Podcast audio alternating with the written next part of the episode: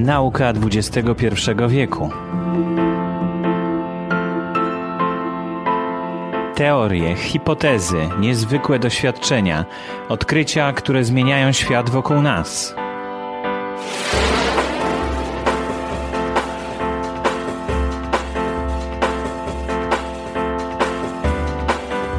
Nauka XXI wieku to podcast na temat fascynujących zagadnień z dziedziny fizyki, biologii, astrofizyki i matematyki.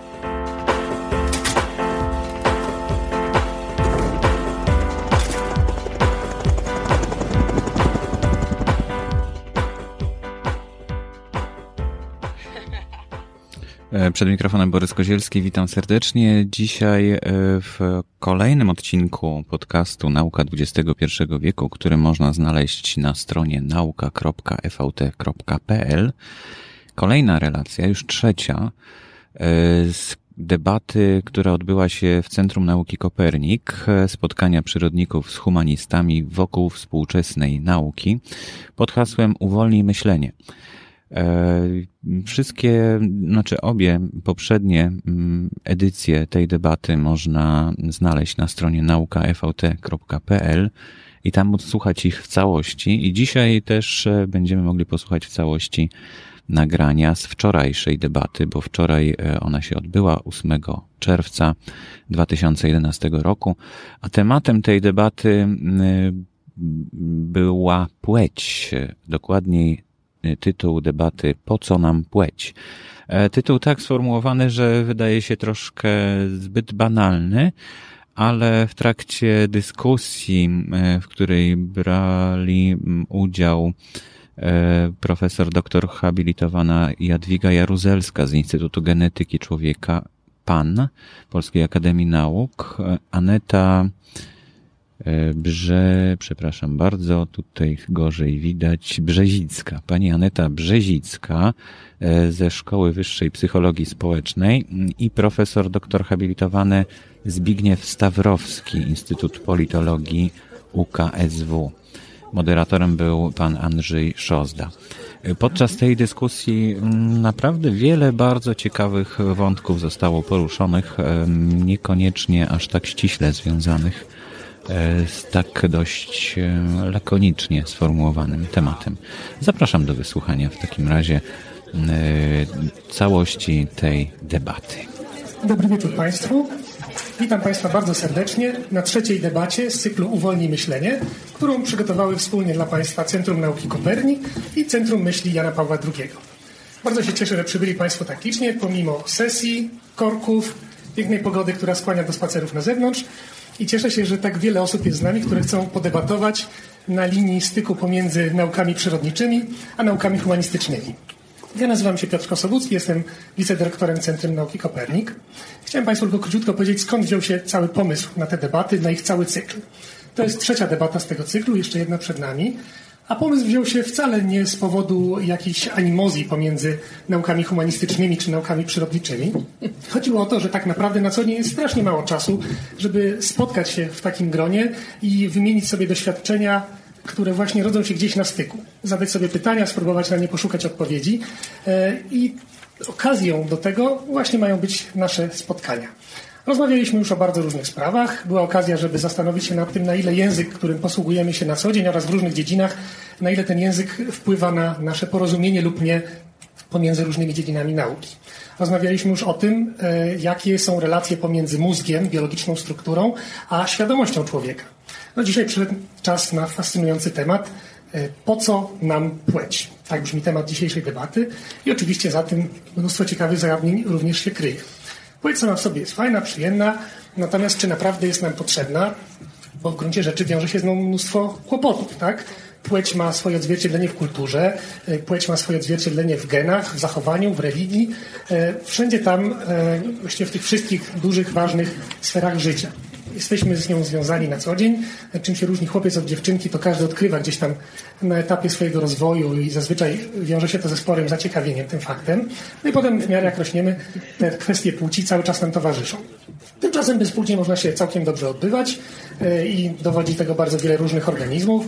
Są takie sympatyczne zwierzęta, które nazywają się wrotki, które wprawdzie mają płeć, ale od jakichś 30-40 milionów lat radzą sobie bez tej płci, właściwie występują wyłącznie samice. Więc wyraźnie można sobie bez tej płci dawać radę. Tak? Temat poruszany często w filmach, w seksmisji, także ta płeć tam była zakwestionowana. E, także można podchodzić na ten, do tego tematu bardzo serio, mniej trochę poważnie, ale tak czy siak temat jest ważny. E, jako, że chcieliśmy jakby dla Państwa skonfrontować humanistów i przyrodników, to w naszym gronie e, dzisiaj mamy panią profesor Jadwigę Jaruzelską, która jest genetykiem. Mamy również z nami panią doktor Anetę Brzezicką, która z kolei jest psychologiem. oraz pana profesora Zbigniewa Stawrowskiego, który jest filozofem.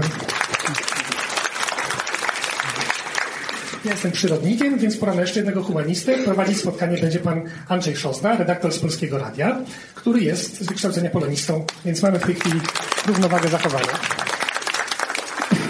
Życzę Państwu miłego wieczoru. Przypominam e, o wyłączeniu telefonów komórkowych, żebyśmy mogli skupić się na temacie dzisiejszej debaty. I jeszcze raz udanego wieczoru to jeszcze zanim zaczniemy kilka informacji porządkowych, na tych y, krzesełkach mają Państwo ankiety, które jeżeli Państwo chcecie ocenić naszą debatę, jak to wszystko funkcjonuje, to bardzo proszę o ich wypełnienie i włożenie do specjalnego pudła, które mam nadzieję gdzieś tu jest, a jak go teraz nie ma, to będzie na pewno przy wyjściu. E, druga informacja jest taka, że debata jest transmitowana w internecie na żywo. Można ją oglądać na stronie projektu www.uwolnijmyślenie.pl, na stronach Centrum Nauki Kopernik i na profilu Centrum Nauki Kopernik na Facebooku. Na Facebooku mogą też Państwo, to mówię do tych, którzy oglądają nas w tej chwili przez internet, mogą Państwo zadawać pytania do naszych prelegentów i do naszych gości. Serdecznie tego zapraszamy. W drugiej części naszej debaty będziemy starali się te pytania zadać naszym gościom. E, Dzisiejszymi gośćmi, jak już e, mówił Piotr, jest pani profesor Edwiga Jaruzelska, e, genetyk z Instytutu Genetyki Człowieka Polskiej Akademii Nauk. Pani profesor zajmuje się genetycznymi uwarunkowaniami płci. Bada, które z genów określają, czy człowiek jest kobietą czy mężczyzną. Pani doktor Aneta Brzezicka zajmuje się innymi wpływem nastroju depresyjnego na działanie pamięci i procesów rozumowania. Jest pani doktor Brzezicka ze Szkoły Wyższej Psychologii Społecznej pan profesor Zbigniew Stawrowski z Instytutu Politologii Uniwersytetu Karola Stefana Wyszyńskiego zajmuje się głównie filozofią polityki, relacjami państwo-religia oraz problemami etycznymi współczesnych cywilizacji. Problem płci jest, mam wrażenie, problemem etycznym współczesnej cywilizacji, a na e, pytanie, jakie zostało dzisiaj postawione, po co nam płeć, każdy chyba jest w stanie sobie sam odpowiedzieć. Każdy widzi, po co jest płeć. No, ona jest po to, żebyśmy przetrwali, żeby nasz gatunek w ogóle mógł istnieć. Gdyby nie było płci, nie moglibyśmy się rozmnażać, tak jak się rozmnażamy. Nie moglibyśmy zasiedlić ziemi.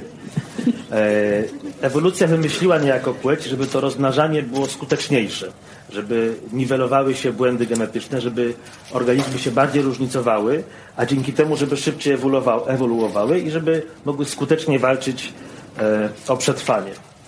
E, podział na dwie płcie wynikający z biologii powoduje także pewien podział społeczny, kulturowy. Tak? To, że ktoś jest kobietą i ktoś jest mężczyzną oznacza, że w społeczeństwie pełni różne role. Tak było przez bardzo e, wiele setek lat. To wpłynęło nie tylko na, nasze, na naszą kulturę, naszą cywilizację, ale także na to, jak postrzegamy siebie, jak siebie oceniamy. To, że wiemy, jaką mamy płeć, powoduje, że jesteśmy w stanie się z czymś utożsamić, jesteśmy w stanie siebie określić, kim tak naprawdę jesteśmy. Przed wiekami, kiedy e, ten podział na płcie był bardzo ostry, zdarzały się sytuacje, na przykład, że kobiety chciały występować w roli mężczyzn, żeby stanąć na polu walki i walczyć jak rycerz, ale nie robiły tego jako kobiety, tylko przebierały się za mężczyzn, zakładały zbroje, obcinały włosy, udawały niejako, że są mężczyznami. Od lat 60., od kilkudziesięciu lat, ten podział na płcie się zaczyna zacierać. E, ja mam długie włosy, jeszcze kilkadziesiąt lat temu pewnie bym ich nie mógł nosić, bo bym był uważany za e, dziwnego człowieka. E, wiele kobiet ma bardzo krótkie włosy, to jest taki no, drobny przykład różnicy między tego, tego zacierania się płci, ale on jednak jest. Coraz więcej pojawia się takich sytuacji, w których pytanie o to, jaką mamy płeć, staje się bardzo zasadne. Kilka dni temu w świat obiegła taka wiadomość, że urodziło się e, dziecko, które rodzicom dali imię Storm, czyli burza. I rzeczywiście dziecko wywołało pewną burzę, ponieważ rodzice postanowili nie ujawniać, jakiej płci jest to dziecko. E, na pytanie, dlaczego to robią, oświadczyli, że chcą dać temu dziecku możliwość wyboru płci, kiedy dorośnie, kiedy będzie mogło samo o sobie decydować. Czyli tak naprawdę e, można powiedzieć, że skazują to dziecko na pewien ubytek w jego tożsamości, w jego osobowości, bo ono ma nie wiedzieć, kim jest, czy jest kobietą, czy jest mężczyzną. Dopiero jak będzie mogło świadomie podjąć decyzję, zdecyduje, kim chce być. Ale jeszcze większą sensację wywołał bodajże trzy lata temu niejaki Thomas Beatty, e, który był pierwszym mężczyzną, który urodził dziecko. Właściwie Thomas Beatty nie był mężczyzną, ponieważ był kobietą, który dokonał tak zwanej operacji zmiany płci. Wyglądał jak mężczyzna, przyjmował męskie hormony, ale żeby móc to dziecko urodzić, zachował sobie żeńskie organy rozrodcze.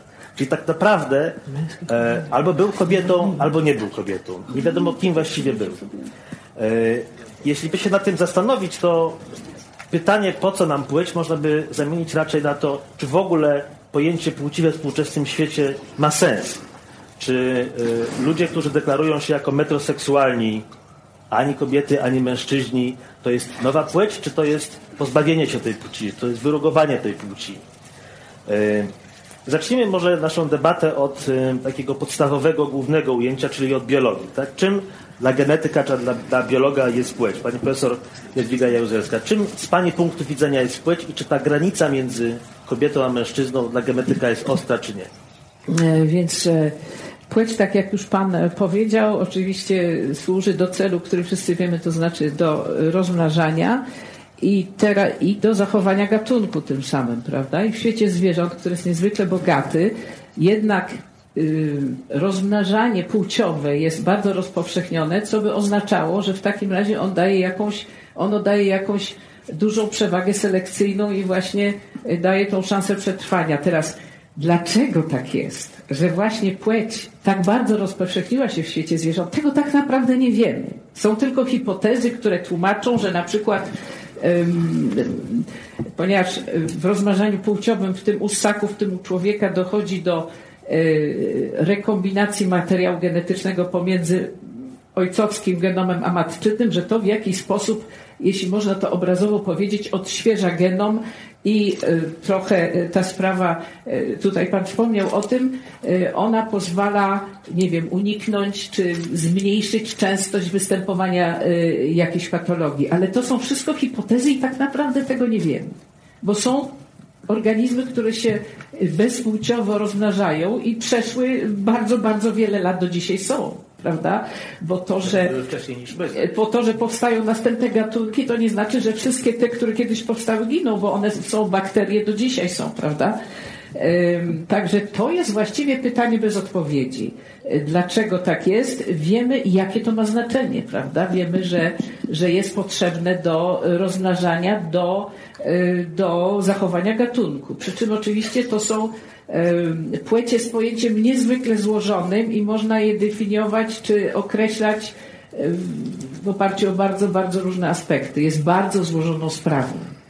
Różnicowanie się płci jest bardzo, bardzo skomplikowaną sprawą z punktu widzenia genetyki.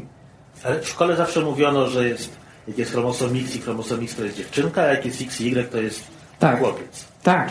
No od tego się zaczyna, prawda? Zaczyna się od jeżeli w ogóle mamy mówić o tym, jak to się dzieje, jeżeli to Państwa interesuje, e, to y, oczywiście pierwsza sprawa to jest płeć genetyczna, bo Pan o tym powiedział, tak. prawda? O tym, czy zarodek będzie się rozwijał jako męski czy jako żeński, decyduje plemnik ojca, prawda? Jeżeli plemnik zawiera chromosom X, no to będzie to dziewczynka, prawda? Jeżeli plemnik zawiera chromosom Y, no to będzie to syn. Także y, to jest y, determinacja płci genetycznej, odbywa się w momencie zapłodnienia. To dlaczego y, zdarzają się takie sytuacje, że ktoś jest trochę kobietą, trochę mężczyzną? Wie pan co, może my, może ja powiem najpierw, jak to się prawidłowo odbywa i potem Proszę. na tle tego będzie łatwiej mówić o tych sytuacjach, bo ja się tym zajmuję, więc mogę o tym mówić całkiem sporo. W każdym razie, e, czyli determinacja płci, prawda, to jest ta zasadnicza, ten zasadniczy moment, kiedy się decyduje, jak zarodek będzie się rozwijał. Więc mamy płeć genetyczną, czyli mamy albo, wiadomo, że człowiek ma 23 pary chromosomów, 22 pary chromosomów, my mówimy tak zwanych autosomów, będę starała się unikać żargonu, i jedną parę chromosomów płci. I ta para chromosomów płci one się tak dlatego nazywają, bo ich, e, bo ich e, konfiguracja decyduje o tym, w jaki sposób się rozwijamy, prawda? Jaką drogę zarodek przyjmie rozwoju. I teraz właściwie płeć się zaczyna w rozwoju embrionalnym ujawniać e, na, mniej więcej w siódmym tygodniu po zapłodnieniu, czy w siódmym tygodniu rozwoju zarodkowego człowieka, jeżeli konstytucja genetyczna jest, jeżeli zapis jest męski, to znaczy obecny jest chromosom Y, wtedy w siódmym tygodniu, e, czyli w momencie, kiedy zarodek ludzki właściwie ma już pewne zawiązki głowy, kończyn i tak dalej, ma mniej więcej długość 8 e, do 10 mm, jeżeli, żeby to tak zobrazować, pojawia się, pojawia się białko y, w tym zarodku, które jest kodowane, jak my, jak my mówimy, na chromosomie Y. I to białko uruchamia cały niezwykle skomplikowany aparat, który już z chromosomem Y w tym momencie nie ma nic wspólnego i który potem popycha do przodu, czy, czy decyduje o tym, że ten zarodek będzie się rozwijał jako męski, czyli on w pewnym momencie no, będzie gonada będzie się rozwijała jako, jako jądro, czy gonady jako jądra, a nie jako jajniki, prawda? Bo to jest i tutaj mamy następny etap, czyli tak zwana płeć gonadalna, prawda? Tam mieliśmy płeć genetyczną, czyli zestaw chromosomów płci, jaki jest, a tu mamy płeć gonadalną, że w tym momencie już tkanki somatyczne tej gonady pierwotnej, bo człowiek ma tak zwaną gonadę pierwotną, ona jest jak gdyby obojnacza i ona czeka na sygnał, prawda? Co ona ma, e, jak ma się rozwijać. I teraz jeżeli w tym siódmym, jeżeli ten gen e, działa mm, w tym siódmym tygodniu, który jest na chromosomie Y, to wtedy zaczyna się ten zarodek rozwijać jako męski. Natomiast jeżeli nie ma tego sygnału, to wtedy mniej więcej troszeczkę później, gdzieś mniej więcej w 11 tygodniu rozwoju zarodkowego, e, czyli wtedy, kiedy już ten zarodek jest trochę większy, ma mniej więcej 50 do 60 mm długości, wtedy zaczyna się gonada, ta pierwotna, rozwijać jako jajnik, prawda? I zostaje uruchomiony e, cały, e, cała kaskada E, różnych reakcji fizjologicznych, które są genetycznie kierowane, e, które zmierzają do rozwoju żeńskiego. I teraz, e, czyli mamy płeć gonadalną, prawda, tu się rozwijają jądra, które zaczynają produkować testosteron, prawda, dlatego że w utkaniu jądra są zarówno komórki płciowe, oczywiście w bardzo pierwotnym stanie, I są inne komórki, komórki, które wydzielają testosteron, komórki Leydiga. I wtedy, y, wtedy y, testosteron działa na rozwój całego zarodka. Mówi się, że też ma znaczenie w kształtowaniu mózgu prenatalnego, testosteron, jako jeden z czynników. I wtedy rozwijają się różne, rozwijają się narządy płciowe wewnętrzne, potem to już są późniejsze, nie wiem, czternasty, trochę się nakładają, jeśli chodzi o obie, obie płci, między 12 a 18 tygodniem. I, I potem właściwie cała reszta odbywa się po urodzeniu, to znaczy wiek dojrzewania, prawda? Dziecko rodzi się z określoną płcią i taki następny ważny etap rozwoju płciowego to jest dojrzewanie, o którym wszyscy wiemy, gdzie dziewczy, kobieta, czy, czy młoda, y, czy dziewczyna, czy, czy chłopak y, y, stają się płodni, prawda? I to jest ten ostatni etap. No i oczywiście gdzieś po drodze pojawia się poczucie płci, prawda? Które też nie bardzo wiadomo w jaki sposób ono jest uruchamiane. Ja już tu wspomniałam o testosteronie, ale to są właściwie nie do końca udowodnione rzeczy. Mało o tym, stosunkowo mało o tym wiemy. W każdym razie taki, tak, tak te dwie historie, one się, czyli one się zaczynają gdzieś od siódmego tygodnia życia, te drogi zaczynają iść e, całkiem inaczej, prawda? I czy jak tego sygnału nie ma, to wtedy ktoś, kto ma być mężczyzną genetycznie, może zostać kobietą. Czy tak można powiedzieć? Jeżeli nie ma tego sygnału, to jest po prostu kobieta, tylko zależy od czego. Ja mówię o sytuacji prawidłowej w tej chwili, prawda? Jeżeli tego sygnału nie ma, jest konstytucja XX, wtedy rozwija się kobieta, prawda? To w jakich, w jakich sytuacjach może być tak, że ktoś, kto ma chromosom X i Y, jednak jest kobietą? Tak. Dobrze. To są różne sytuacje. To jest tak zwane, my to nazywamy odwróceniem płci.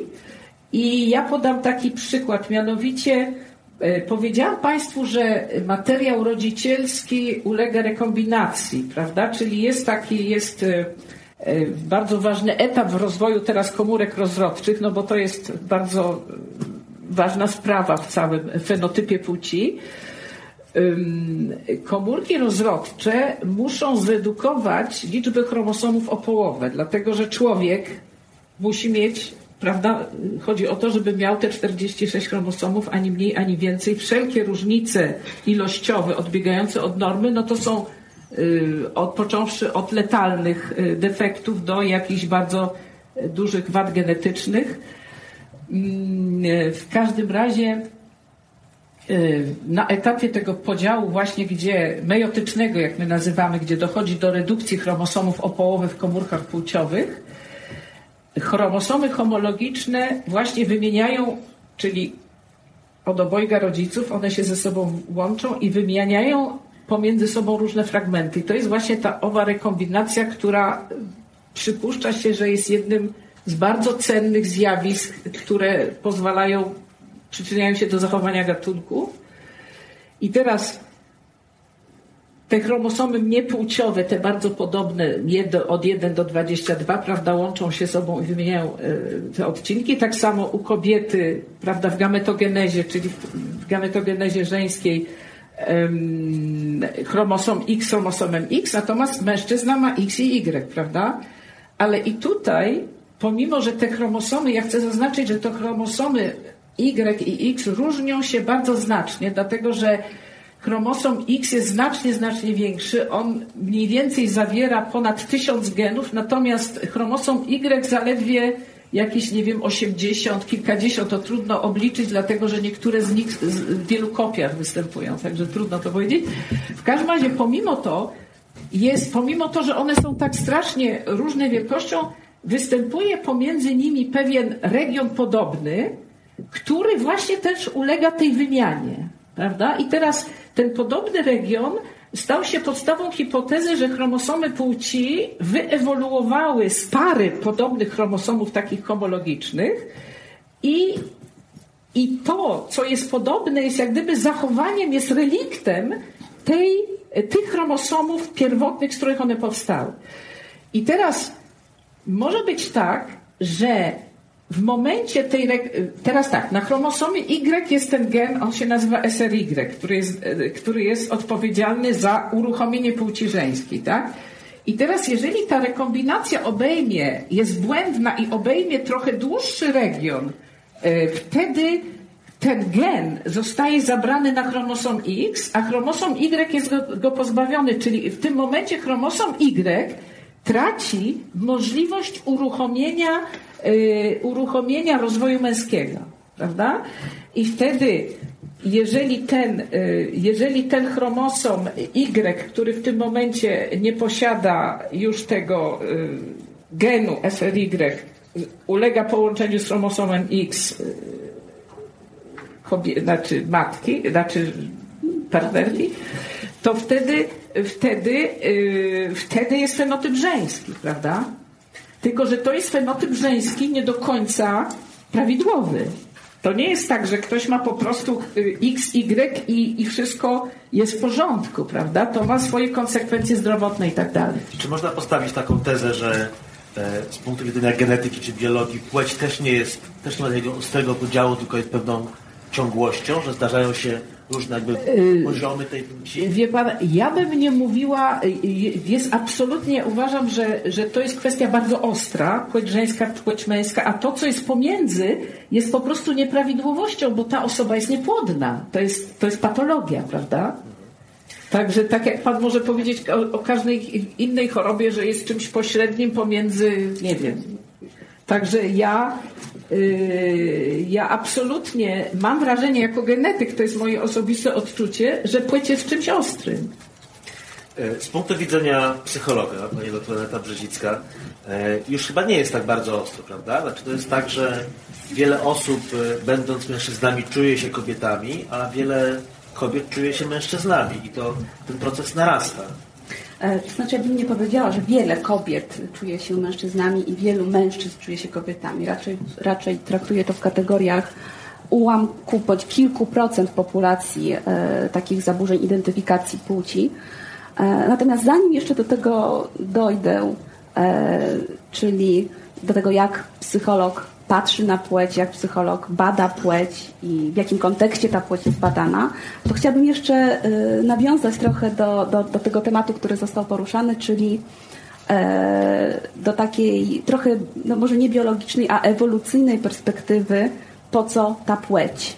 Albo może troszeczkę przeformułuję to pytanie i co takiego płeć człowiekowi dała. To, że, roz, to, że rozmnażaliśmy się w sposób płciowy, to, że są dwie płcie, e, co to nam dało.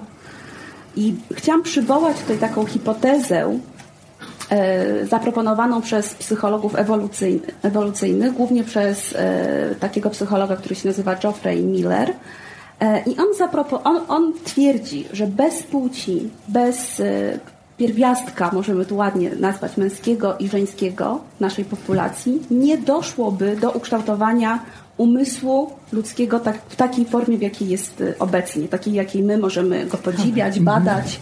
E, to, że możemy ze sobą w tej chwili tutaj siedzieć, rozmawiać, wymieniać myśli, według y, Millera motorem rozwoju umysłu ludzkiego była właśnie płeć, a szczególnie dobór płciowy. Ponieważ jeżeli sobie y, pomyślimy o procesie ewolucji, co to jest takiego proces ewolucji, tak, że, że organizmy się zmieniają z pokolenia na pokolenie, przez wiele setek czy tysięcy tych pokoleń z organizmów prostych tworzą się organizmy bardziej złożone. No i w pewnym momencie te organizmy osiągnęły y, takie cechy jak właśnie umysł, jak samoświadomość, to co, jest, to co jest charakterystyczne dla nas ludzi, jak to, że jesteśmy w stanie wytworzyć kulturę, że ta kultura ma takie, a nie inne atrybuty, kiedy patrzymy na kulturę, kiedy patrzymy na naukę, e, można zadać sobie pytanie, jaki jest sens adaptacyjny czegoś takiego jak utwór, przepiękny utwór muzyczny, tak? albo teoria e, naukowa, która zachwyca inny umysł, który ją przeczyta, czy zrozumie i mówi, ach, jaka świetna, jaka elegancka teoria. I to jest jedyna rola tej teorii tak naprawdę. Owszem, sobie coś wyjaśniamy, tak, coraz więcej ludzi to poznaje, uznaje.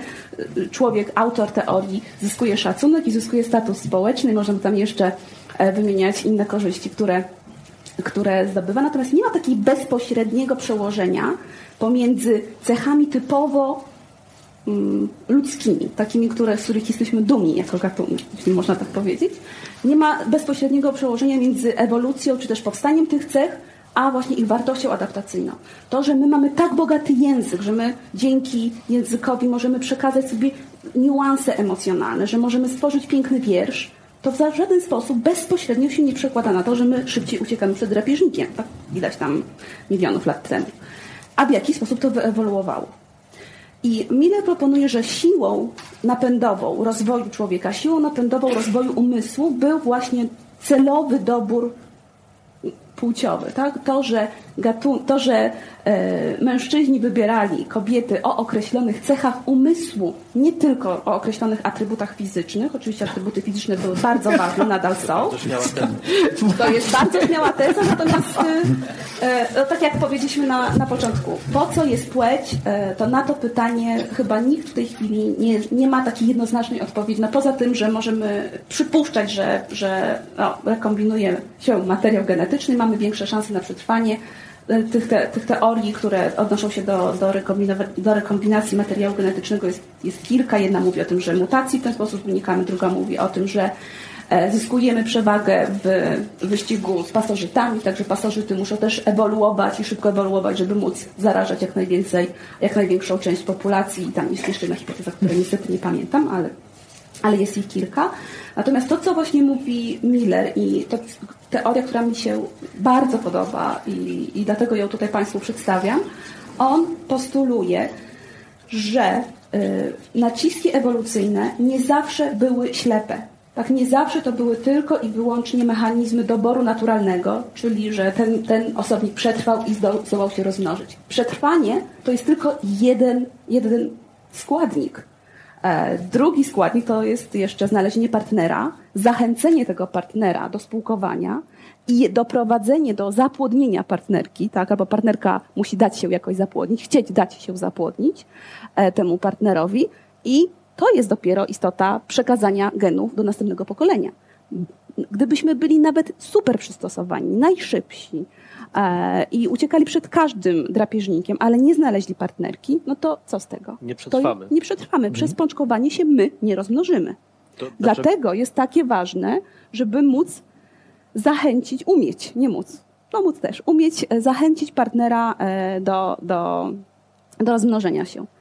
I właśnie ten proces, ten proces zachęcania, również proces, cały proces zalotów, e, który się rozwinął, no nie tylko u ludzi, ale i u ptaków, no, i u innych, e, u innych e, przedstawicieli innych gatunków, pokazuje, jak bardzo ważnym mechanizmem jest właśnie dobór poprzez wybór odpowiedniego partnera.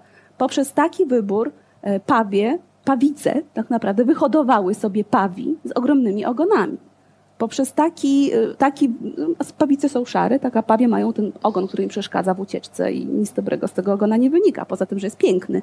To był jedyny czynnik selekcyjny, to, że ten ogon był piękny i się tym pawicom podobał. A oczywiście można Pytanie, by tutaj... Czy pawicom się rzeczywiście ten ogon podobał, tak naprawdę? No wybierały, wybierały takie, takie pawie, które miały te ogony najpiękniejsze. I Miller stawia taką hipotezę, że umysł ludzki jest takim pawim ogonem. Także my w ten sposób przyciągamy do siebie partnerów. Za tym kryje się jeszcze jedno założenie, którego tutaj nie wyartykułowałam, e, i za ogonem pawia, i za dobrze funkcjonującym umysłem ludzkim, czyli takim umysłem, który jest w stanie stworzyć albo piękne dzieło sztuki, albo jest, albo jest bardzo inteligentny, e, albo jest bardzo dobry, hojny, szczery. I jeszcze jest kilka takich cech, które, które są dla nas bardzo atrakcyjne, znaczy u partnerów są bardzo atrakcyjne. E, jest jeszcze takie ukryte założenie, że te cechy są skorelowane z materiałem, z jakością materiału genetycznego nosiciela. Także tylko taki paw, który ma dobre geny, które, które to geny powodują, że ciało rozwija się silne e, ma i piękny przy okazji jest ten ogon, to tylko taki paw sobie poradzi tak w życiu. Jeżeli on sobie poradził i, i pomimo tego jest taka hipoteza, e, która mówi, że e, że ten pawi ogon to jest takie upośledzenie. I jeżeli on sobie pomimo tego upośledzenia radzi, to znaczy, że jest wart y, zainwestowania i rozmnożenia się z nim. Tak? Dlatego te geny przechodzą dalej do, do następnego nie, nie, nie każdy mężczyzna i nie każda kobieta wybiera partnera y, na całe lata, który jest dla niej dobry, tak? który ma wszystkie te najlepsze cechy. Zdarza się, że się wybiera partnerów, którzy mają dużo złych cech. A jakie to są złe cechy? Kto określa, które są dobre? To my określamy, które są dobre. A my, w sensie my, którzy dokonujemy wyborów te cechy nam się podobają. Te cechy w jakiś sposób uznaliśmy za męskie bądź kobiece, bo atrakcyjne tak seksualnie. Mózgi, umysły kobiet i mężczyzn się różnią od siebie. Z czego to wynika? To już zupełnie inne pytanie. Mózgi kobiet One po coś, i po coś powstały różne, tak? Znaczy jest jakiś powód, dla którego powstały różne. Dlatego powstały różne, ponieważ mężczyźni wybierali określone kobiety, a kobiety wybierały określonych mężczyzn. O określonych cechach umysłu, tak nie mogły wybierać o określonych cechach mózgu, bo nikt nie otwierał czaszki, nie patrzył, jak ten mózg wygląda. Tylko przejaw działania tego mózgu mhm. był oceniany i przejaw działania mózgu był poddawany wyborom, czy jakiejś selekcji. E, zgadza się. E, zarówno umysł męski, jak i umysł kobiecy, czy też umysł typowej kobiety, bądź umysł typowego mężczyzna, mężczyzny, przepraszam, e, różnią się między sobą.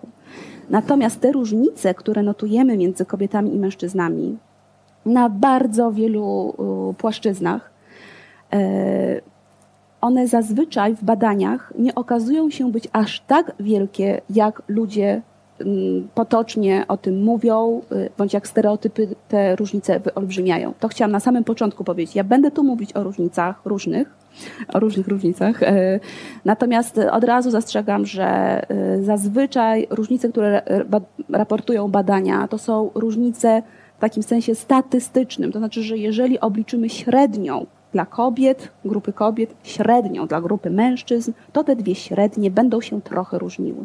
Ale to absolutnie nie znaczy, że nie ma kobiety w jakiejś tam dziedzinie, czy w której się różnią, na przykład mężczyźni mają odrobinę wyższy wynik średnio niż kobiety, że nie będzie kobiety, która będzie miała wyższy wynik niż średnio u mężczyzn. I odwrotnie z takimi cechami, które wychodzą w drugą stronę, tak? Różnicę, że kobiety mają troszeczkę wyższe. Nie wiem, czy w tej chwili akurat jest. E, Wrócimy do tego tematu tak, jeszcze za chwilę, bo chciałbym potem porozmawiać troszeczkę na temat tego, jak to się układa w różnych kulturach e, na Ziemi, tak? W kulturach, które bardzo ostro postrzegają podział płciowy, a jak jest w kulturach, które ten podział rozmywają. Pan profesor Zbigniew Stawrowski, jak filozof, E, odpowie na pytanie, co to jest płeć i po co ona jest człowiekowi. E, no właśnie z taką ogromną ciekawością słuchałem tych wcześniejszych wypowiedzi. E, filozof, człowiek, który próbuje filozoficznie podchodzić do tego problemu, z jednej strony przede wszystkim akceptuje wszelkie osiągnięcia nauk szczegółowych genetyki, e, psychologii, bo to, to jest po prostu opis faktów, w miarę możliwości oczywiście jakoś uporządkowany e, teoretycznie. Pytanie, co tu jeszcze można by było dodać, prawda? Co by można było dodać? E, proszę Państwa, od czasów starożytnych, znaczy w gruncie rzeczy o kim my mówimy? Mówimy o człowieku. Płeć jest czymś związanym z naszym człowieczeństwem. Jak się wiąże z naszym człowieczeństwem? To jest dopiero pytanie. Natomiast podstawą jest człowiek. E, po co nam płeć? Tu chodzi o nas, o kobiety i, e, i, mężczyźni, i, i mężczyzn. To jest pierwsza rzecz. E, pytanie, kim jest człowiek? Od czasów starożytnych wyróżniano trzy warstwy człowieczeństwa, które się tutaj już też pojawiły. Pierwsza warstwa to jest to, co nazywano naturą albo pierwszą naturą, naturą biologiczną, związaną, to co nas łączy z całym światem ożywionym. E, drugi wymiar to to, co nazywamy kulturą, albo nazywa się również drugą naturą. To jest to, co my przez pokolenia wytworzyliśmy i co na nas wpływa. Wpływa na nas podobnie jak pierwsza natura. My mamy, my jesteśmy, można powiedzieć, zaprogramowani biologicznie, genetycznie. Jesteśmy zaprogramowani, prawda? Tak jak komputer ma pewien program, ale my jesteśmy również zaprogramowani kulturowo. Wychowujemy się, oddychamy e, taką, a nie inną kulturą. Przejmujemy pewne formy rozumienia, przejmujemy język, symbole, e, mity. To wszystko kształtuje nasz sposób rozumienia całego świata i także nas e, samych. Czyli mamy jakby dwa takie programy. E, też pytanie, jaka jest zależność między programem pierwszej natury i programem drugiej natury. Ale jest jeszcze trzeci wymiar. Ten wymiar, który też różnie się nazywa, nazywa się wymiarem ducha, umysłu, rozumu, który nam przede wszystkim kojarzy się z wolnością, autonomią, samostanowieniem. To również jest element człowieczeństwa. I można powiedzieć, że to też jest w nas zaprogramowany. I po części y, i, i biologicznie, i po części kulturowo, ale jest taki poziom, gdzie my te wcześniejsze, jakby bardziej podstawowe e, oprogramowanie e, przekraczamy. I w tym wymiarze, e, który też nie cały czas funkcjonuje, ale, ale momentami doświadczamy tego wymiaru niezwykle mocno, my mamy w sobie możliwość samoprogramowania. My możemy sami sobie wyznaczyć program, wedle którego będziemy działali. Ten program może być e, zarówno zgodny z programem pierwszej i drugiej natury, jak i jakoś w, w, e, w konflikcie z tymi programami. Element wolności jest tutaj kluczowy. I to wszystko również ma swoje odniesienie do naszej refleksji na temat płci. E, można powiedzieć tak, że e, na nasze człowieczeństwo, także na naszą płeć, możemy patrzeć niejako od dołu, e, od właśnie poziomu świata żywego, poprzez kulturę, poprzez najwyższe wymiary ducha i wytwory tego ducha, albo możemy spojrzeć, spróbować patrzeć odwrotnie. Może nie jest tak, że płeć rodzi się w wyniku ewolucji jakby z świata żywego. Faktycznie tak jest, ale może jest coś wcześniej. może jest coś wcześniej, może ta zasada, która przejawia się w płciowości, jest fundamentem całej rzeczywistości. Były takie pomysły już w czasach starożytnych. Heraklit mówił o e, jedności przeciwieństw, o walczących ze sobą pierwiastkach, które jednocześnie e, były ze sobą zgodne. E, czy nasza płciowość nie jest jakimś obrazem podobnej wizji rzeczywistości. Świat jest symetryczny. Świat jest symetryczny. W różnych religiach pojawia, pojawiają się e, w mitach prawda, tego, tego typu obrazy, że świat ma w sobie e, zarówno męskość i kobiecość, prawda? albo to inaczej się nazywa, ale są te dwa pierwiastki wpisane w naszą rzeczywistość. Być może nasza płciowość jest wyrazem pewnej metafizycznej zasady rzeczywistości. No to pytanie warto postawić. Jeszcze jedna rzecz. No, mamy mit mit, bo mówimy na poziomie języka mitu, e, stworzenia świata, prawda? Genezis, księgi Genezis. Jest tam Bóg, który, który stwarza człowieka na swoje podobieństwo. Stwarza kobietę i mężczyznę. Prawda? Na swoje podobieństwo, czyli kobiecość i męskość są jakoś w Bogu, to znaczy w tej metafizycznej e, podstawie całej, e, całej rzeczywistości. Są jednością. Jednością, prawda? tak. I tak, są jednością, prawda? Mhm. E, Mówi pan profesor o tym, że na takim trzecim poziomie możemy sobie sami zaprogramować swój rozwój czy e, swoje istnienie. W pewnym zakresie w pewnym oczywiście. zakresie. Mhm. Czy operacje zmiany płci są takim zaprogramowaniem siebie? Myślę, że tak. To znaczy każdy mhm. akt wolnej woli jest samozaprogramowaniem. I oczywiście powstaje pytanie, jaki program sobie wybierzemy. Powstaje pytanie, czy y, operacje, na które decydują się ludzie, y, operacje zmiany płci, czy one są rzeczywiście wynikiem wyboru? Czy to jest tak, że ja się urodzę i decyduję, tak jak ten Storm, że on sobie za kilka lat zdecyduje? Albo ona. Czy ona? Ono ono. E, czy ono sobie za kilka lat zdecyduje, czy, że ono chce być odmiennej płci niż ma e, zewnętrzne narządy płciowe i postanowi to zmienić i przyjmować hormony i tak dalej, ponieważ tak nikt nie wie, jakiej jest płci, więc może sobie to zrobić. Czy to jest właśnie akt wolnej woli, czy też jesteśmy na tyle zdeterminowani już, jakie czynniki tu wpływają, czy to są czynniki genetyczne, czy to są czynniki biologiczne w troszeczkę szerszym ujęciu, takie jak na przykład wpływ hormonów albo wpływ układu komórek w mózgu, które się ułożyły nie tak, a inaczej to jest oczywiście, to jest sprawa do, do szczegółowej analizy, co, co spowodowało. Ale pytanie się, czy to jest wolna wola, że ja decyduję, że chcę sobie zmienić płeć, bo, bo tak po prostu, bo, bo taką mam wolną wolę, czy też właśnie te wszystkie czynniki spowodowały, że ja się tak źle czuję w swoim ciele, mm. że się tak nie czuję kobietą, tylko mężczyzną, że nie mogę tego znieść, że popadam w depresję i robię wszystko, żeby przystosować tę zewnętrzną powłokę do tego, jaka jestem w środku, tak? Czy Ale, też jaki mhm. jestem w środku. Co to w ogóle znaczy zmienić płeć? Czy można zmienić płeć? Bo e, skoro jest to zaprogramowane znaczy, na poziomie genetycznym, to może po prostu nie można tego zrobić. Ja jeszcze chciałabym nawiązać do tego, co pani mówiła, bo to jest bardzo ciekawe. Mianowicie, e, nie wiem, czy państwo wiedzą, że mniej więcej jeden jedno, jedno urodzenie na trzy tysiące, y, dziecko rodzi się z płcią, która jest dla lekarza, znaczy jest trudne określenie płci metrykalnej, ponieważ, metrykalnej, ponieważ ma płeć obojnaczą. Prawda? I to jest rzeczywiście bardzo duży problem medyczny. Niektóre z tych przypadków, to jeden na trzy tysiące, jak mówię, to one, y, to wynika z jakiegoś nieprawidłowego wydzielania wewnątrzmacicznym rozwoju i niektóre z nich można korygować, natomiast są takie, których nie można korygować. I teraz powstaje pytanie, jaką płeć metrykalną nadać dziecku? To jest bardzo poważny problem. I teraz to jest o tyle trudne, że my wiemy za mało o rozwoju płci pod względem genetycznym chociażby, że skorzystam znowu z mojego podwórka, żeby mieć całkowitą pewność, że ten wybór jest właściwy.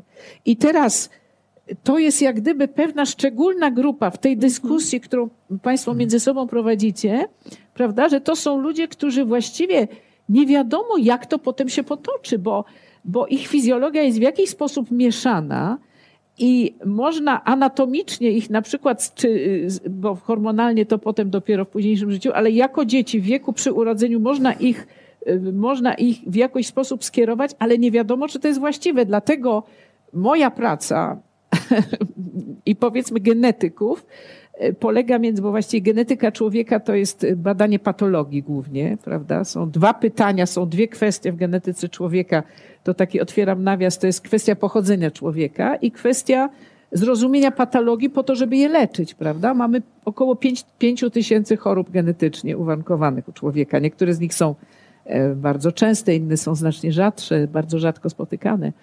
Tak to jest. Także powiedzmy, to jest szczególny przypadek, kiedy, ten, y, kiedy tej wyboru płci trzeba dokonać zupełnie bez żadnych, y, już pomijam wszelkie czy naciski środowiska, czy, czy jakieś uwarunkowania jeszcze inne psychologiczne, tylko po prostu, y, po prostu ten wybór, na przykład, który był dokonany przez lekarza, okaże się nieprawidłowy. I to jest realna sprawa. To jest jak najbardziej realna sprawa, Prawda? mogę opowiedzieć. I teraz genetyka mhm. ma właśnie, jeszcze tylko mhm. dopowiem, y, moim zadaniem jest między innymi i, i, i ludzi, którzy są genetykami płci, jest próba poznania całego mechanizmu y, determinacji i rozwoju płci, po to, żeby stworzyć z tego ewentualnie w przyszłości jakieś narzędzie diagnostyczne, prawda? No bo gen jest popsuty od samego początku, żeby wiadomo było, aha, to dziecko ma taką mutację w takim genie, a więc i my wiemy, że z tą mutacją ono się rozwija tak, tak inaczej. Także chodzi o to, żeby jakąś opracować metodę diagnostyki genetycznej, która pozwoli dokonać właściwszego wyboru. Czy, wracając do pytania, y, czy no bo rozumiem, że w takiej sytuacji y, lekarze zakładają, czy po badaniach stwierdzają, że to jest raczej tak, dziewczynka, tak podają hormony, które tak. mają e, mhm. rozwinąć ten organizm w organizm tak. dziewczynki. Jeżeli się pomylą, no to tak. jest problem. Tak? To jest znaczy, problem. Wtedy mamy dziewczynkę. Tak. To jest duży problem medyczny. To jest bardzo poważny problem medyczny. Tak. nie się, tylko problem czy... medyczny, ale również problem natury psychologicznej. Tak, Oczywiście, jeżeli, no to już w ogóle tak wiadomo. Momencie, tak. Jeżeli, jeżeli A to taki... wcale nie jest takie oczywiste. W latach nie? 70. wcale nie było takie oczywiste. No, za, niech pan dokończy, tak, zaraz powiem e, dlaczego. Czy w takiej sytuacji jak rozumiem, uzasadniona jest prośba takiego człowieka o zmianę płci, no bo ona jakby czuje się kimś zupełnie innym. Czy ta, ta zmiana jest w ogóle możliwa? Czy to tak, ja by, proszę pana, ja wiem, e, ja wiem, że e, jeżeli ktoś, się, jeżeli ktoś się ubiega o zmianę płci, to on ma robione przeróżne badania najpierw, prawda? Żeby zobaczyć właśnie, czy z punktu widzenia fizjologii jest to uzasadnione. I bada się chromosomy, bada się E, poziomy hormonalne, bada się gonady, bada się przeróżne rzeczy, prawda? Zanim to nie jest decyzja, którą lekarz podejmuje, tak sobie, aha, chcę zmienić płeć, no to dobra, to zróbmy, prawda? To, ma taką to jest, wolę, to jest, to jest wszystko, musi być uzasadnione y, medycznie. Ale przytoczony ten... Ale są ludzie, którzy nawet jeżeli się nie wykryje żadnych, bo w większości tych przypadków, ja nie wiem, czy ja tutaj się nie posuwam za daleko, ale wydaje mi się, że że w wielu wypadkach nie wykrywa się żadnych, y, żadnych, y, żadnych cech, które by wskazywały na jakąś niejednoznaczność płci. A mimo tak wszystko osoba wydaje. nie czuje się A osoba tak bardzo chce zmienić płeć, płeć mhm. że to robi, prawda? Czy to jest możliwe? Drążę o to, to znaczy, ma... zmiana całkowicie płci, całkowita zmiana płci, że jestem mężczyzną i nagle po tej zmianie stanę się całkowicie kobietą jest niemożliwa. Genetycznie jest to niemożliwe. Dlatego to jest niemożliwe. Dlaczego? Dlatego, że Dlatego, że właściwie płeć jest do szpiku kości, płeć jest do ostatniej komórki. To nie jest tylko kwestia układu rozrodczego, prawda? Ale to jest kwestia też somy całej, która jest pod wpływem takich, a nie innych hormonów, jeżeli mam wrócić do genomu, no to przecież genom kobiety i mężczyzny działa odmiennie. Dlaczego nie ma partenogenezy u człowieka, czyli możliwości rozwoju z jednej komórki? Ponieważ genom ojcowski i matczyny nie są równocenne. Yy, na, yy, przywołam taki zespół yy, genetyczny, który się nazywa zaśniat groniasty. To jest coś, co mm, to jest to się kończy, to jest y, dochodzi do zapłodnienia i potem y, dość wczesnego poronienia, które szczególnie zdarza się u młodszych kobiet. I okazuje się, że rodzi się tylko łożysko, nie ma w ogóle zarodka. Rodzi się samo łożysko, jest, powstaje samo łożysko. I teraz badań, i okazało się, badano, badano mm, chromosomy w komórkach łożyska i okazało się, że tam są tylko, że tam jest tylko zestaw chromosomów ojcowskich. To jest możliwe, już nie będę, to byłoby zbyt skomplikowane, żeby to tłumaczyć, ale w każdym razie to pokazywało, że w takim razie genom ojcowski jest odpowiedzialny za rozwój łożyska bardziej, prawda? Bo te dwa, jak rozwija się zarodek, to mamy ten embrion właściwy, prawda? I mamy tą część, która jest y, później, z której się zarodek uwalnia, która jest odpowiedzialna za rozwój łożyska, prawda? Łożysko ma tą część, która wynika z rozwoju zarodka i część matczyną, prawda? Także za, tą, za, za rozwój łożyska odpowiedzialny jest głównie genom um, ojcowski i teraz zrobiono badania na myszach. My w biologii bardzo dużo posługujemy się różnymi modelami, począwszy od muchy, przez robaki, przez żaby, przez, e, przez e, oczywiście myszy i tak dalej. Dlatego, że wiele procesów jest po prostu ewolucyjnie zachowanych i, i, i, i to, co znajdujemy na przykład u muchy, potem może dość podobnie funkcjonować u człowieka. Ja na przykład badam geny e, płodności męskiej, które, które bardzo podobnie funkcjonują jak u muszki owocowej. Także, mm, także mm, e, w każdym razie zgubiłam się. Co mówiłam? A, dobrze. Na Badania na myszach. I teraz wyprodukowano myszy, wyprodukowano myszy, które miały tylko, y, y, miały 46 chromosomów prawidłowo, ale oba zestawy były matczyne albo oba zestawy były ojcowskie. I tam, gdzie były zestawy matczyne, nie było zarodka, a tam, gdzie były zestaw ojcowski, nie było łożyska. Czyli, czyli to pokazuje, że te genomy są, one bardzo odmiennie funkcjonują. I w każdej naszej komórce, na przykład jeżeli, jeżeli przyjrzymy się genom, ja już nie mówię w ogóle nawet o genach, o chromosomach płci, tylko jeżeli y, innym chromosomom się przyjrzymy, to tam na przykład dostępność do zapisu genetycznego jest w różnych miejscach tego genomu zupełnie odmienna u kobiety i u mężczyzny. I to jest do ostatniej komórki. Także w tym sensie, w tym sensie zmiana płci, żeby nie można stać się, nie można zmienić Będąc płci kobietą, i być całkowicie. Nie, to jest absolutnie niemożliwe. Według tego, co ja wiem, y, przynajmniej z genetyki. Ale można się zmienić psychicznie, tak? I takie rzeczy ludzie robią. Czy to też jest y, zdeterminowane przez biologię na tyle silnie, że się tego nie da zmienić? Teraz poruszył Pan temat, który jest burzliwą debatą, y, zarówno wśród psychologów, jak i pewnie wśród y, biologów i ewolucjonistów zajmujących się tym, czy różnice na poziomie psychologicznym, które rejestrujemy pomiędzy kobietami i mężczyznami, są zdeterminowane przez biologię i na ile są zdeterminowane przez biologię, a na ile są zdeterminowane poprzez e, kulturę, w której się wychowujemy, poprzez społeczne naciski, poprzez stereotypy, z którymi się stykamy. E, I tutaj tej chwili panuje zgoda co do tego, że obydwa te czynniki mają bardzo duży wpływ. To znaczy, że zarówno są, e, są wyniki badań, które pokazują, że różnice są zdeterminowane w sposób biologiczny, nie wiem czy genetyczny, czy bardziej się przyczyniają do tego wpływy e, w środowisku e, macicy, tak, czy jakimi hormonami jest obmywany zarodek, jakie jest stężenie hormonów. Głównie mówi się o wpływie, znaczy jest zbadany dosyć, dosyć dobrze e, wpływ testosteronu w takiego płodowego i wpływ testosteronu, który działa później jeszcze na młodego człowieka do szóstego miesiąca życia i pokazuje się, jak określone stężenie e, w macicy przekłada się na późniejsze mierzone bar, tuż po porodzie, mierzone w 12 miesiącu, w 18 miesiącu życia i jeszcze później zachowania e, takiej osoby.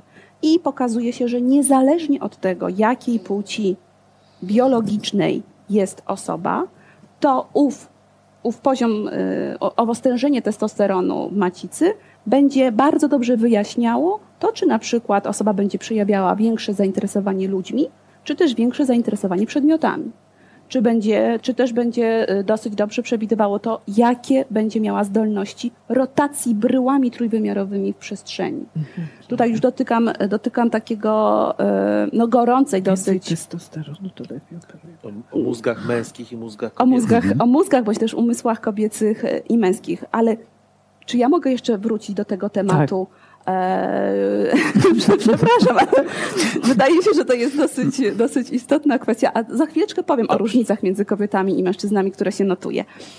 Eee, chciałam opowiedzieć o tym, jak ważne jest to, czy taki lekarz, który wybiera dla tego obojnaczego organizmu, czy on będzie mężczyzną, czy on będzie kobietą, że to jest naprawdę bardzo istotne. I dla nas w tej chwili to jest takie, że wszyscy mówią, no ale to jest oczywiste, że to jest takie istotne. Natomiast naprawdę w latach 70. i w latach 60. dominował wśród psychologów pogląd, że na to, czy człowiek czuje się kobietą, albo czy pełni rolę kobiecą w społeczeństwie, czy pełni rolę męską, ma tylko i wyłącznie wpływ kultura, w której tylko i wyłącznie wpływ ma społeczeństwo. To jak rodzice, co nam wpoją, jak nas wychowają.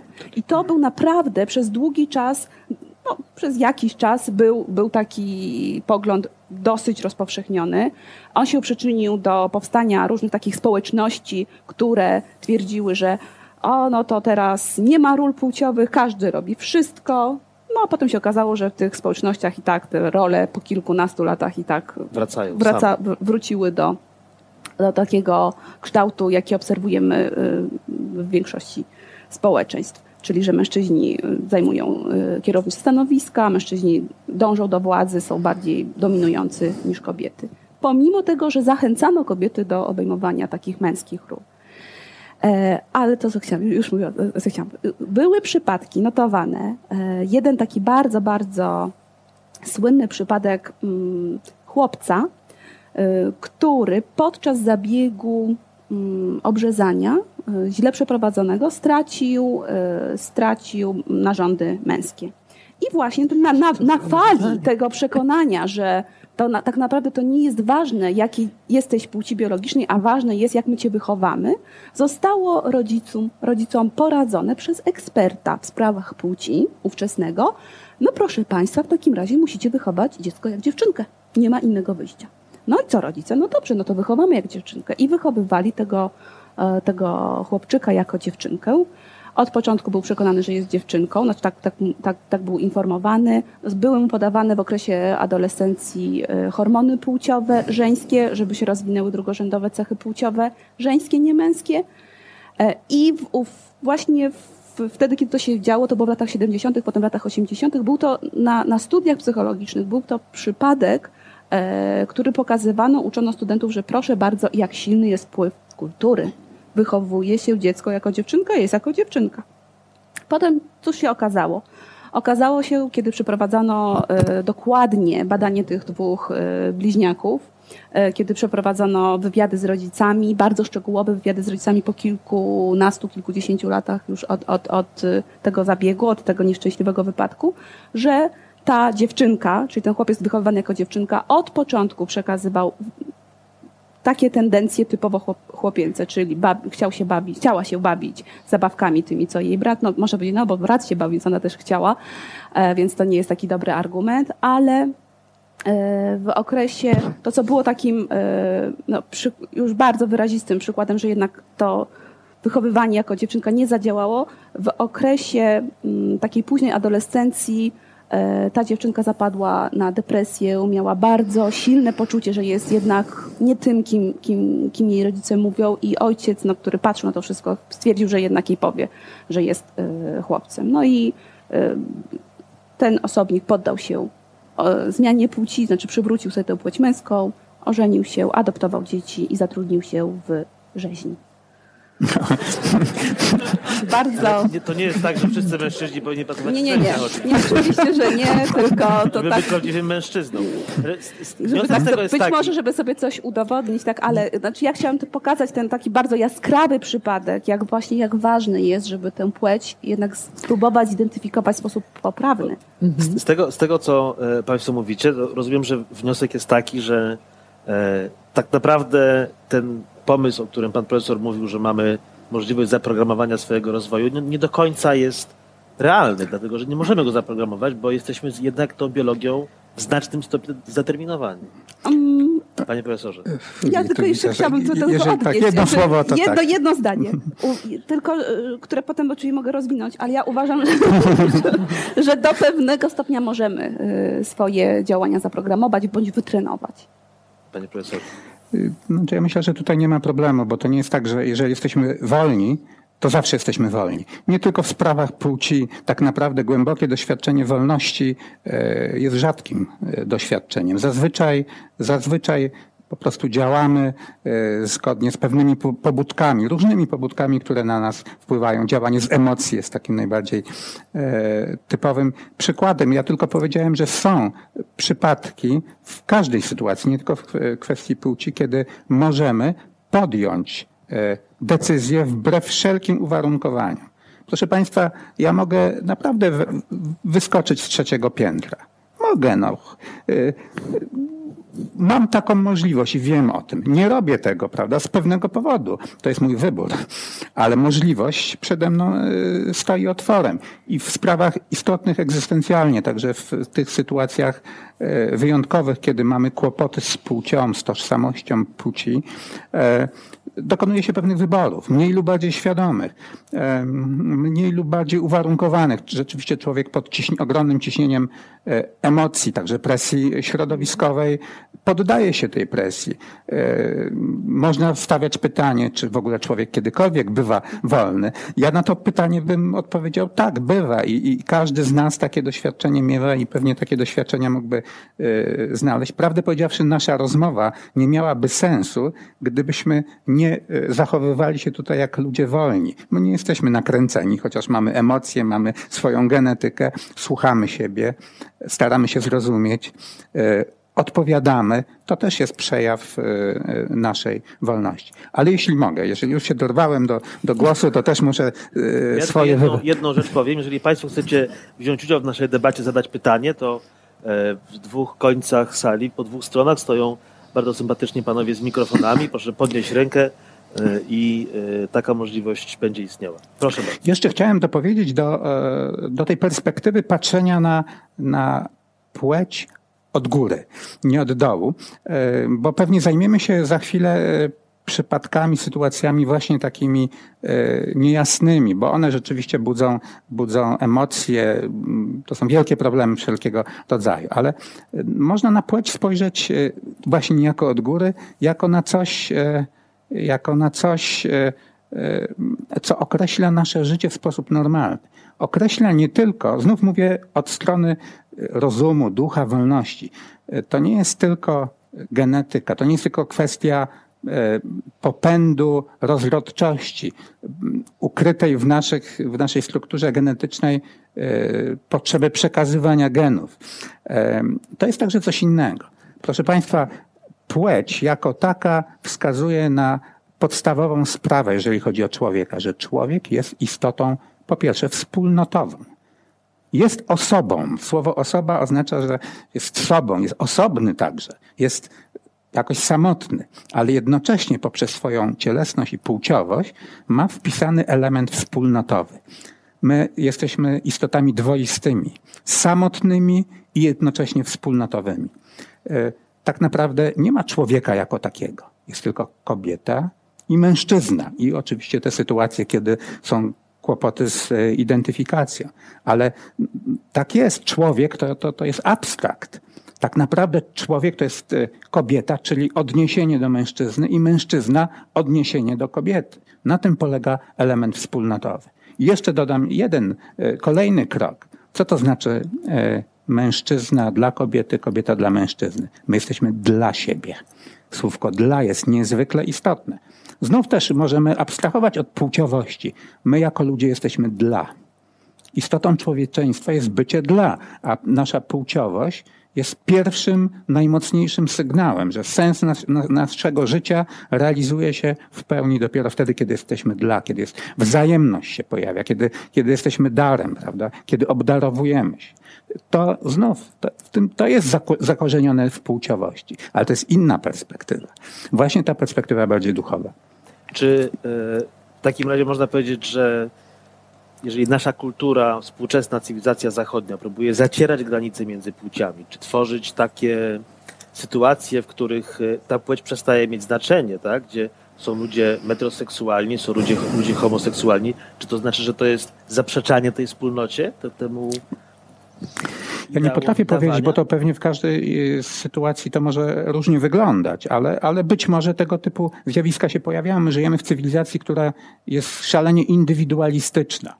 Ma w sobie taki wymiar, prawda? Ludzie są skupieni na sobie i w pewnym sensie mają podstawy ku temu, ale jednocześnie, y, no właśnie, płciowość.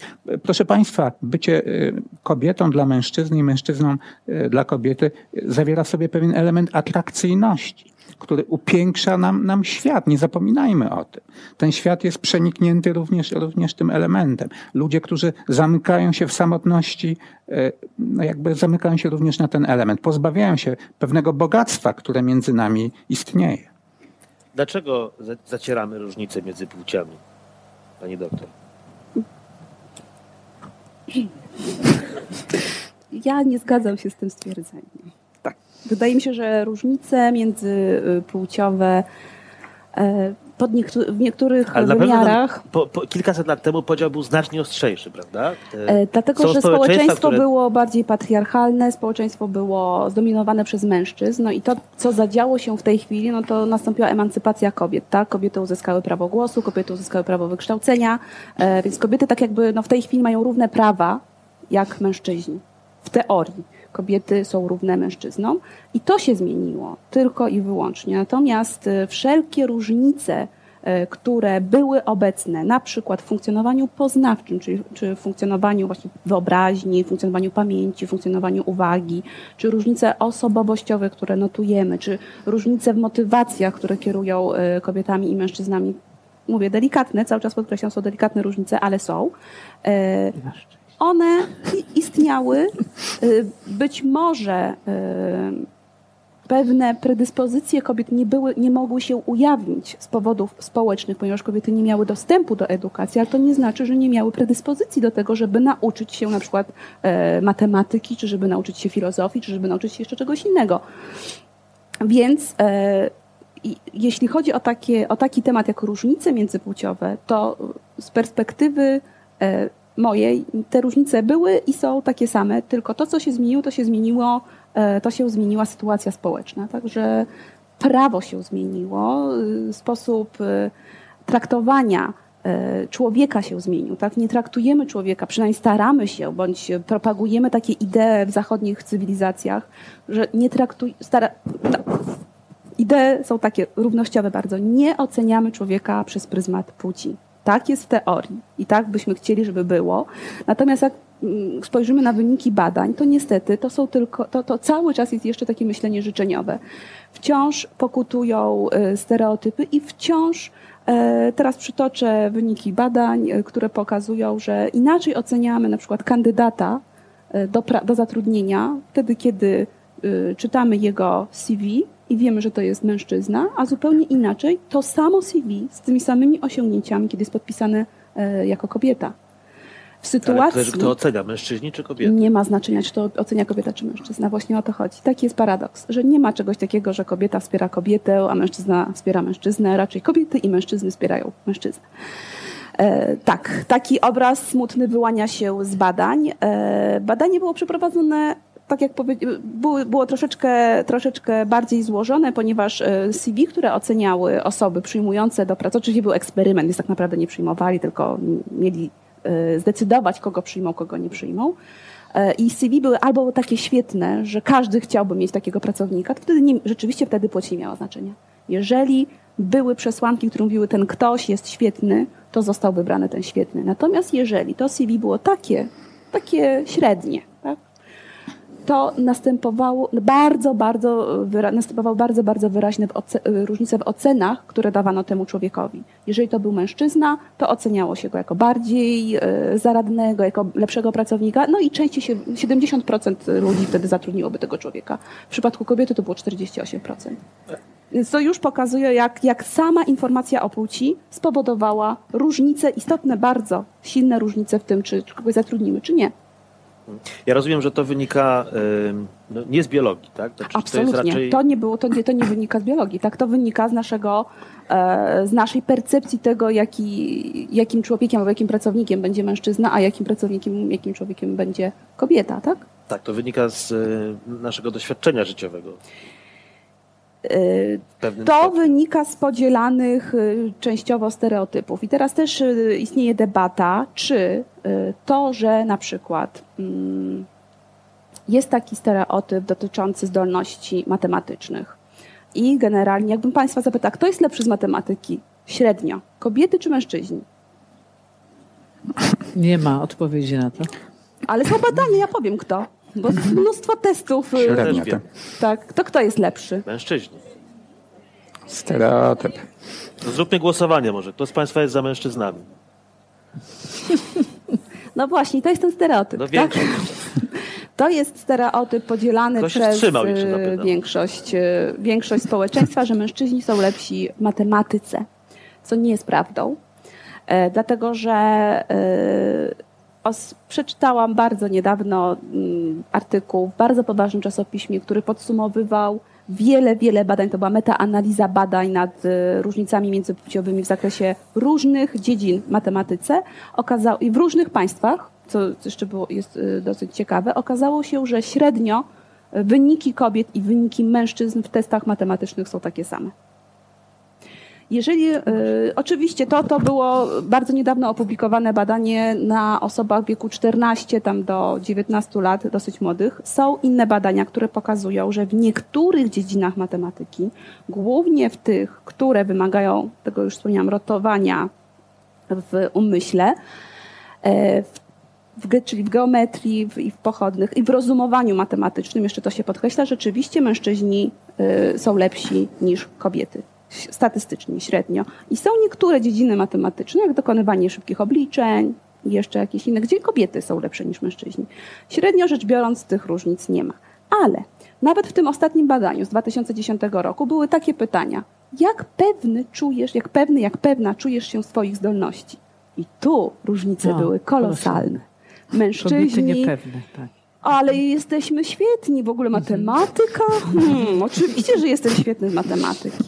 Co więcej, bardzo podobne wyniki były na małych, na, na, osobach jeszcze takich niedojrzałych płciowo, to były przed, przed okresem nastoletnim, gdzie też pytano dzieci, jakie są z matematyki. Też chłopcy powiedzieli, że oczywiście, że nie, wykonywali testy, przepraszam, wykonywali testy i te testy później oceniano, czy dziewczynki zrobiły lepiej, czy chłopcy tak samo, czy troszeczkę lepiej wykonywały dziewczynki, ale chłopcy uważali, że zrobili lepiej.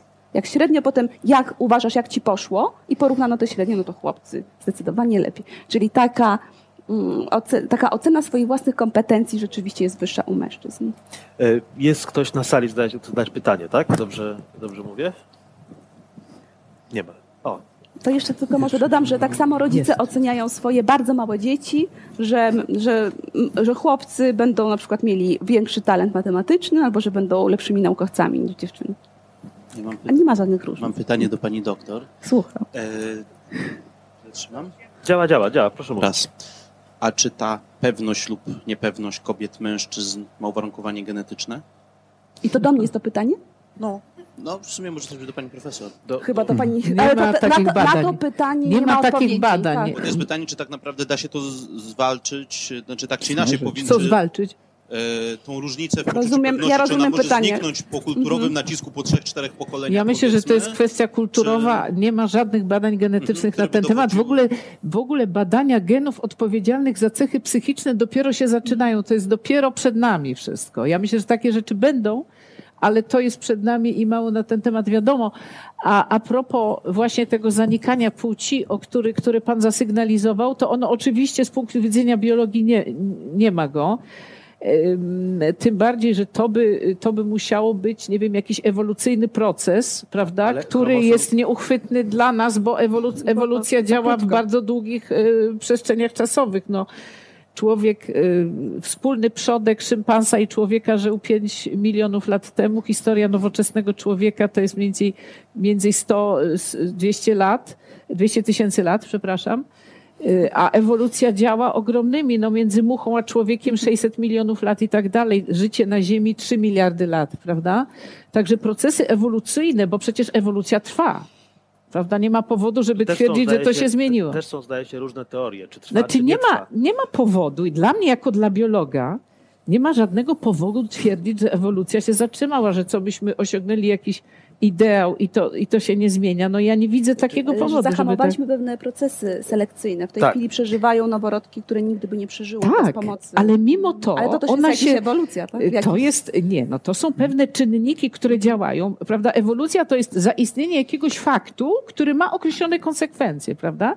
Więc istnieją pewne fakty, prawda, w naszym, czy, czy leczenie chorób na przykład, które będą miały pewne konsekwencje, ale ja, ja nie widzę powodu ja, jako biolog, żeby uważać, że to się gdzieś zatrzymało. Także takich rzeczy nie możemy śledzić. My możemy na ewolucję patrzeć z perspektywy w przeszłość, prawda? W tył. Wtedy możemy powiedzieć, a to się stało, takie organizmy ewoluowały w ten sposób, te miały przewagę, natomiast do przodu nie potrafimy nic, nie wiemy nic, bo nie wiemy, jak się potoczy, prawda? I, I teraz, jeśli chodzi o te zacieranie się tych płci, to ono jest pozorne, ono się dzieje w sferze stereotypów właśnie i wydaje mi się, że właśnie to, co pani powiedziała, że kobiety, prawda, yy, ponieważ zyskały możliwość kształcenia tak samo jak mężczyzn i one rzeczywiście, no, ja jestem akurat w nauce i, i, i muszę powiedzieć, że są tak fantastyczne, e, tak genialne kobiety w nauce i przecież teraz coraz więcej mamy nagr- nagr- nagród Nobla, E, no chociażby w zeszłym roku, prawda, były trzy nagrody Nobla, w tym dwie w dziedzinie nauki, trzy, dwie, dwie dos, trzy kobiety dostały Nagrodę Nobla w nauce.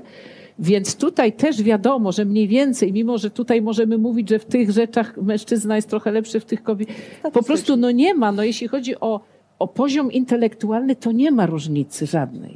Prawda? kwestia- Ale to był pewien, jako stereotyp funkcjonowało, że mężczyzna e, przoduje w tym. I teraz chodzi tylko po prostu o to, żeby pewne stereotypy przepracować i żeby po prostu zredefiniować to ponownie. Ale te, prawda? te stereotypy się z czegoś wzięły. Znaczy, A, no właśnie. Między półkulami No tak. e, mózgowymi mężczyzn ten kanał, który komunikują się półkule jest znacznie mniejszy i węższy. Nieznacznie, jest nieznacznie mniejszy. Ale jest. Nieznacznie mniejszy w jednym tylko miejscu.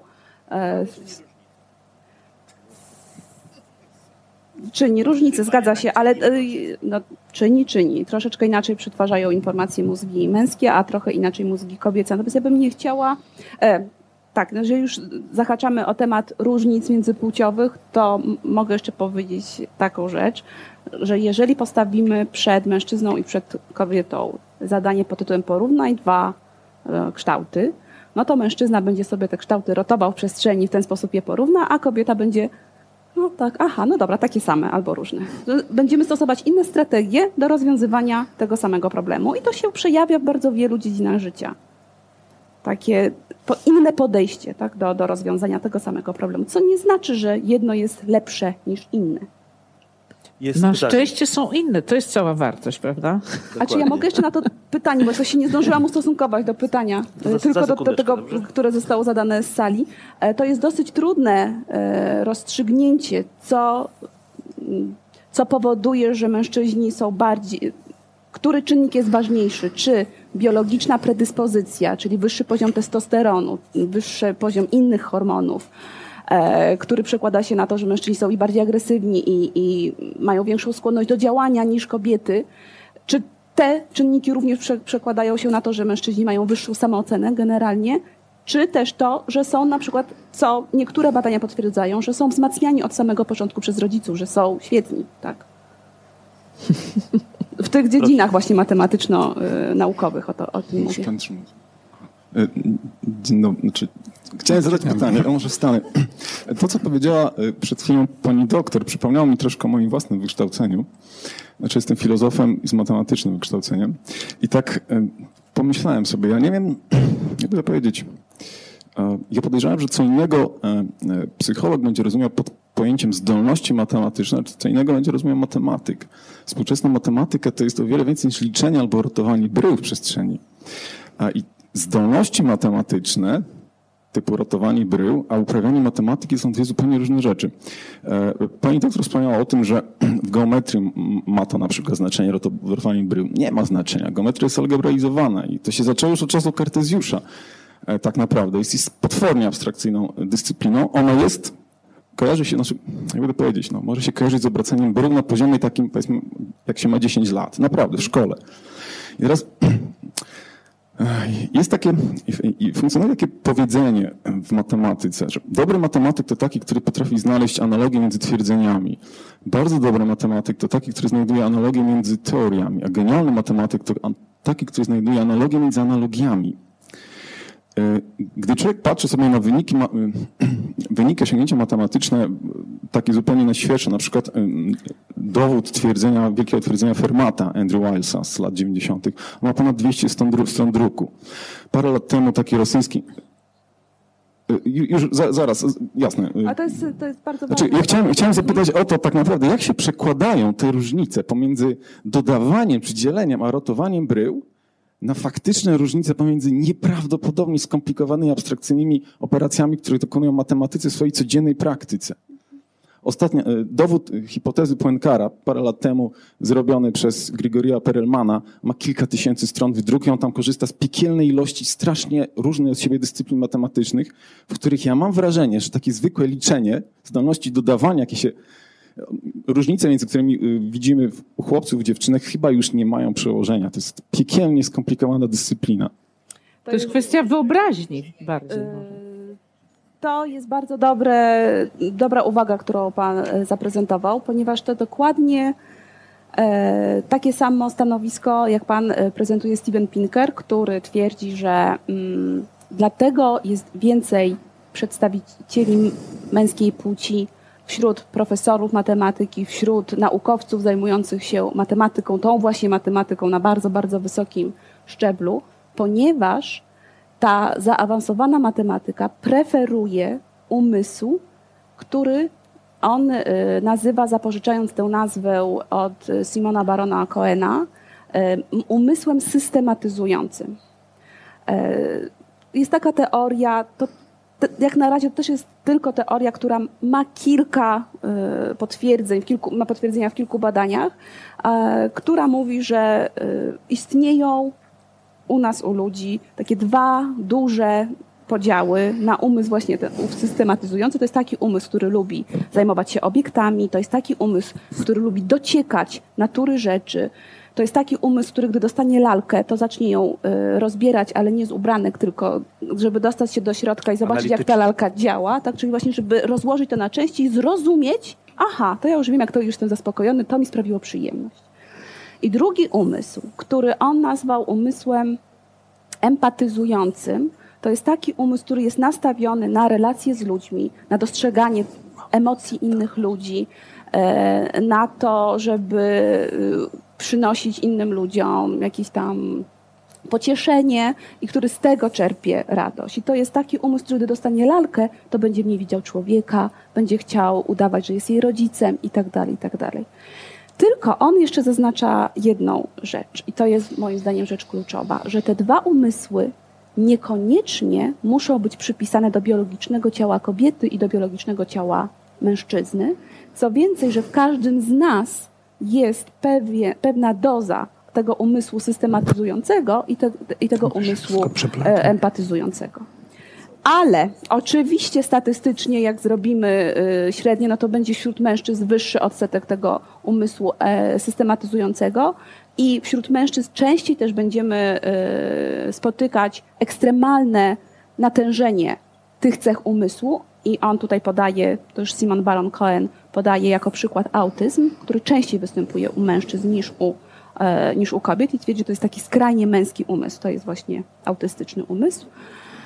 Ale to nie ma co się śmiać. To, to, no, to jest teoria, która ma, tak jak powiedziałam, no, to jest jeszcze młoda teoria i miejmy nadzieję, że, że, że będzie miała coraz więcej coraz będzie więcej dowodów na nią. No więc e, i teraz, jak popatrzymy z tej perspektywy i popatrzymy z tej perspektywy na dziedziny nauki, to rzeczywiście okaże się, że w tych dziedzinach, które preferują ów systematyzujący umysł, a matematyka jest jedną z nich i inżynieria jest kolejną taką dziedziną, będzie większy odsetek mężczyzn. Ale to nie znaczy, że nie ma tam kobiet. Tam są też kobiety. Nasza... Około 20%. Nasza debata jest transmitowana e, w internecie. Mogą Państwo ją oglądać na stronach Uwolnij Myślenie, na stronach Centrum Nauki Kopernik i na profilu facebookowym e, Centrum Nauki Kopernik i mogą Państwo też zadawać pytania poprzez Facebooka. I jest pierwsze pytanie e, do pana profesora Stawrowskiego. Jak się zmieniła etyka, że dopuszcza operację zmiany płci? Czy to ma w ogóle cokolwiek wspólnego z etyką? Ja mam pytanie do samego pytania, prawda? Jak się zmieniła etyka, że dopuszcza do operacji zmiany płci? E, jeżeli etyka to są różne teorie dotyczące zagadnień moralnych, no to oczywiście są różne teorie. Są takie, które na przykład wszystko dopuszczają, prawda? I zawsze były od czasów starożytnych. E, natomiast rozumiem, że e, Chodzi o naszą... Naszą sytuację, to znaczy chodzi o pewną elementarną wrażliwość moralną, prawda? To, co wydawało się wcześniej szaleństwem, działaniem wbrew naturze, nagle w tej chwili jest poważnie e, dyskutowane. To znaczy, ja myślę, że tu po prostu pojawił się większy element empatii. E, ludzie uświadomili sobie także przez środki masowego przekazu, że jest wiele przypadków ludzi, nie odnajdujących się e, do końca w swoim własnym ciele, mającym kłopoty z tożsamością. I, e, i to nie jest ich wina. To, jest, to trzeba powiedzieć. To nie jest ich wina.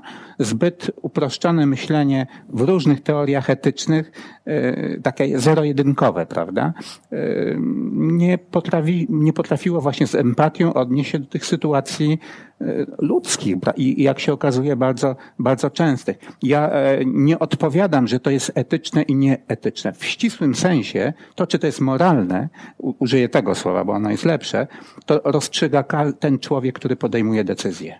I nikt z zewnątrz tak naprawdę nie ma prawa go oceniać. On, on, może mówić tylko z zewnątrz o pewnych zasadach, które w społeczeństwie e, obowiązują, natomiast decyzja moralna, czyli dotycząca dobra i zła konkretnego czynu, jest zawsze indywidualną decyzją e, konkretnej osoby. E, ten proces, o którym dyskutujemy, proces zacierania granic między płciami, e, ma jakiś wpływ na, nasze, na naszą cywilizację. On jednak wszystko istnieje. To nie jest moim zdaniem tak, że to jest tylko stereotyp i pozór, ale rzeczywiście coraz więcej jest takich sygnałów, które zacierają ale Czy to nie że to jest stereotyp wpływ? albo pozór, tylko właśnie powiedzieliśmy, że y, to, co nie zanika, to fundamentalne różnice między płciami, tak? No, kobiety nie rodzą się e, nie wiem, z brodami, nie, nie rosną im brody albo wąsy, a mężczyznom nie rosną piersi i tak dalej. No nie, no, no, no nie dochodzi do takich, y, do takich zjawisk.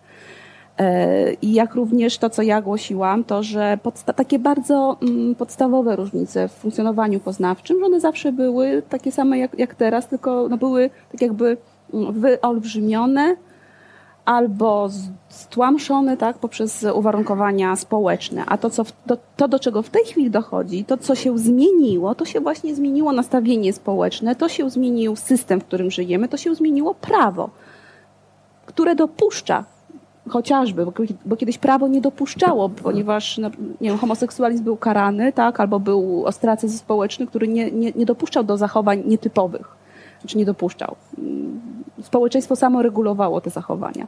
W tej chwili jesteśmy coraz bardziej świadomi, jesteśmy coraz bardziej egalitarnym, to znaczy może reguły, czy też idee egalitaryzmu są coraz bardziej rozpowszechniane i, i, i akceptowane przez coraz większą y, część społeczeństwa i to się zmienia, moim zdaniem, natomiast się nie zmienia.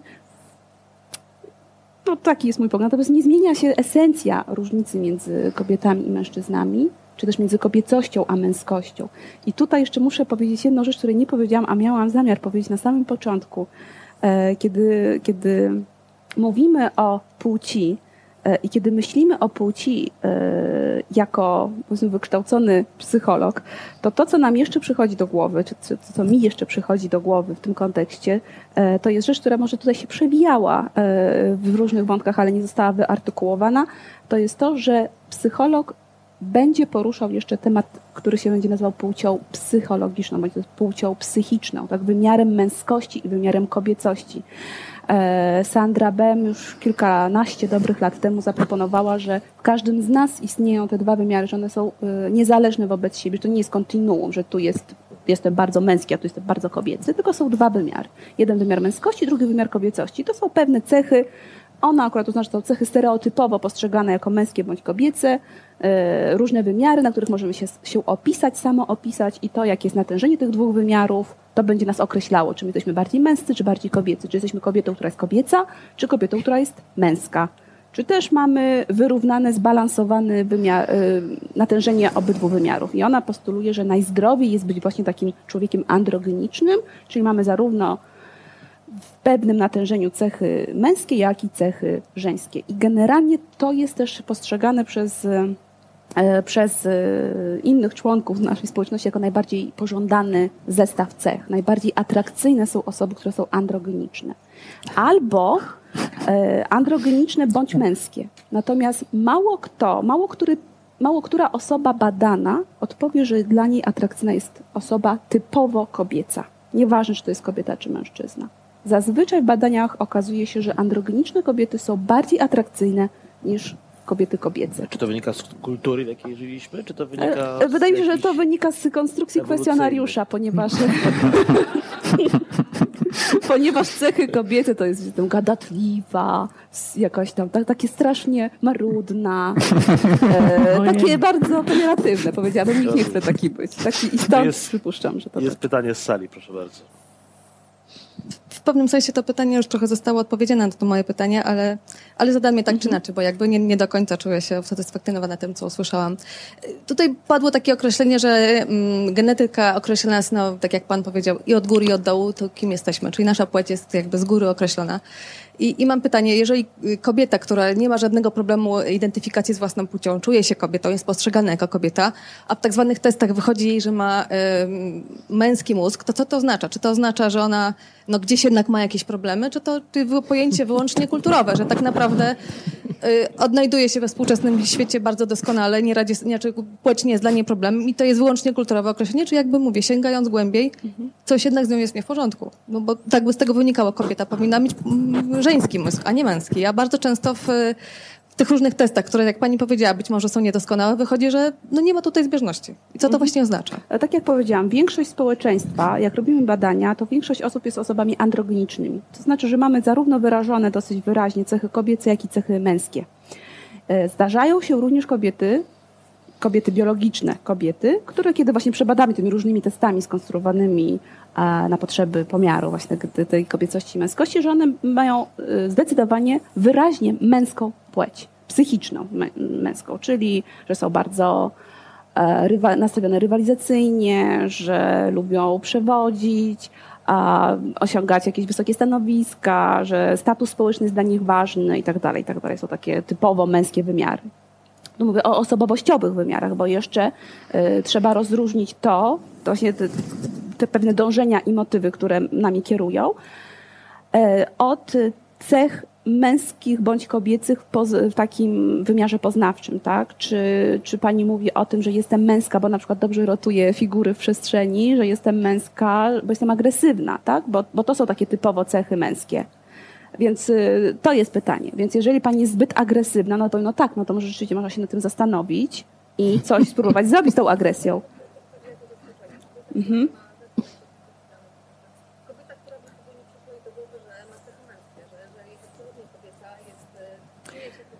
Mhm. To, że kobieta, że, seksua, że kobieta podkreśla swoją seksualność y, poprzez krótkie spódniczki, malowanie paznokci, dbanie o siebie, to wcale nie wyklucza, że pod względem umysłowym będzie, y, będzie przejawiała tendencje takie ku, ku męskiemu wzorcowi zachowań. Wręcz przeciwnie, taka kobieta może chcieć e, wywierać, mm, niech powiem wrażenie, ale wywierać y, wpływ tak, na innych ludzi poprzez właśnie bardzo kobiece zachowania, bo wie, że to odniesie konkretny skutek, a to może mieć takie podłoże, y, czy też motyw może być typowo męski, tak, bo ja chcę zdobyć, chcę dominować. Ale wie, wiele takich zachowań właśnie teraz jakby jest przez media podawanych, tak? Znaczy mówi się, że kobiety pracują w dużych korporacjach, których ta, ta agresja e, siła przybicia jest wymagana, właśnie zachowują się jak mężczyźni, mimo że są kobietami, dbają o paznokcie i z reguły są Mężczyźni też coraz Albo częściej dbają o paznokcie. Niż Tak. I, I to żaden problem, moim zdaniem. Tutaj to są takie, takie zachowania, tak, które, które, prze, które właśnie stają się bezpłciowe w pewnym sensie. Natomiast e, znaczy odpowiem wprost na Pani pytanie. W moim odczuciu to nie jest żaden problem, że, że kobieta ma taki zestaw cech akurat męskich, tak, bardziej. Robi sobie kwestionariusz w internecie i wychodzi, że jest bardziej męska niż kobieca. Żaden problem. Naprawdę. E, To, co e, moim zdaniem jest wartością e, nas jako ludzi, to to, że jesteśmy bardzo różnorodni. I to jest jedna rzecz, a druga rzecz, to, która też jest chyba cechą dosyć unikatową naszego mózgu, to, że nasz mózg jest bardzo plastyczny i w przeciągu jednego życia jesteśmy w stanie się bardzo zmienić. Nie mówiąc o tym, że w przeciągu pokoleń też, też, też do jakichś subtelnych zmian może dochodzić. E, Tylko coś jeszcze chciałam powiedzieć a propos tych męskości.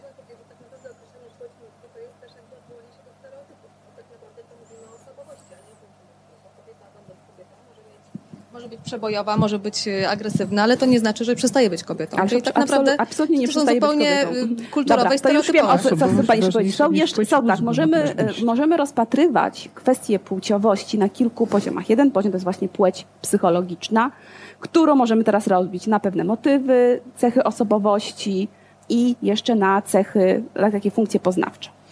Druga rzecz e, to jest e, tożsamość płciowa, czyli jak ja się czuję. Czy ja się czuję kobietą, czy ja się czuję mężczyzną. Tak? Jak ja siebie sama określam. A trzecia rzecz to jest jeszcze mm, orientacja seksualna. Tak? Czy mnie pociągają kobiety, czy mnie pociągają mężczyźni. I te trzy sfery, które w tej chwili wymieniłam, w tej chwili przyjmuje się, że to są sfery niezależne. To znaczy, że ja mogę być bardzo, kobie- bardzo czuć się bardzo, czy tożsamość mam kobiecą, płeć mam męską, a orientację homoseksualną. Tak? Może tak być. Jest pytanie Nie, z sali. absolutnie. Kiedyś było homoseksualizm był uznawany za chorobę, w tej chwili e, nie jest podawany w żadnej klasyfikacji chorób psychicznych. Ja chciałem zapytać, e, wrócić do początku i do tej determinacji płci poprzez połączenie się chromosomów X, X, XY. Jest jeszcze jedna kombinacja, o której chyba nie wspomnieliśmy, YY. Chciałbym czegoś więcej się dowiedzieć na ten temat. Mówił. Proszę pana, nie ma czegoś takiego jak YY, dlatego że to jest zarodek, to jest letalne. Musi być jeden X. Może panu, może panu chodzi o XYY. To są różne, to, tego nie dotykaliśmy w ogóle.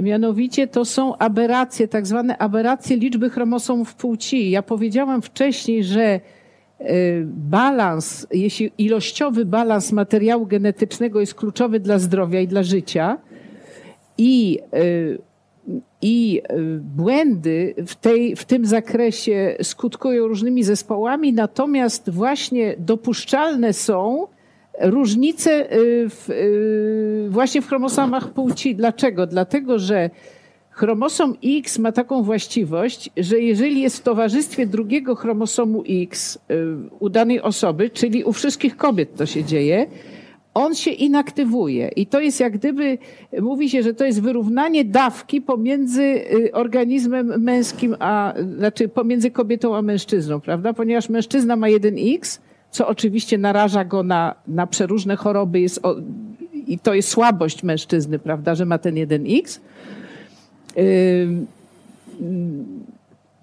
bywają, y, bywają, y, czyli jeżeli jest jeden X więcej niż jeden, on ulega inaktywacji.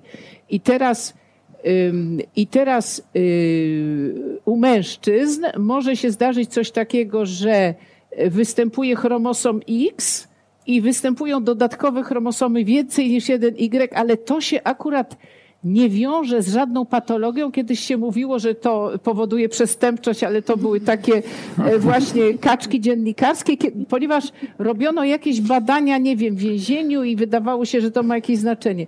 Ale to nie ma, y, to nie ma żadnego znaczenia. Dlaczego? Dlatego, że na chromosomie X, Y jest po prostu bardzo niewiele genów i to nie powoduje y, jakiegoś dużego y, zaburzenia w balansie. Także są owszem mężczyźni, którzy mają dodatkowy chromosom Y, to nie ma wielkiego znaczenia, natomiast ma znaczenie, jeżeli mają dodatkowy X. bo wtedy są niepłodni, to jest tak zwany zespół Klinefeltera z szeregiem różnych e, cech negatywnych.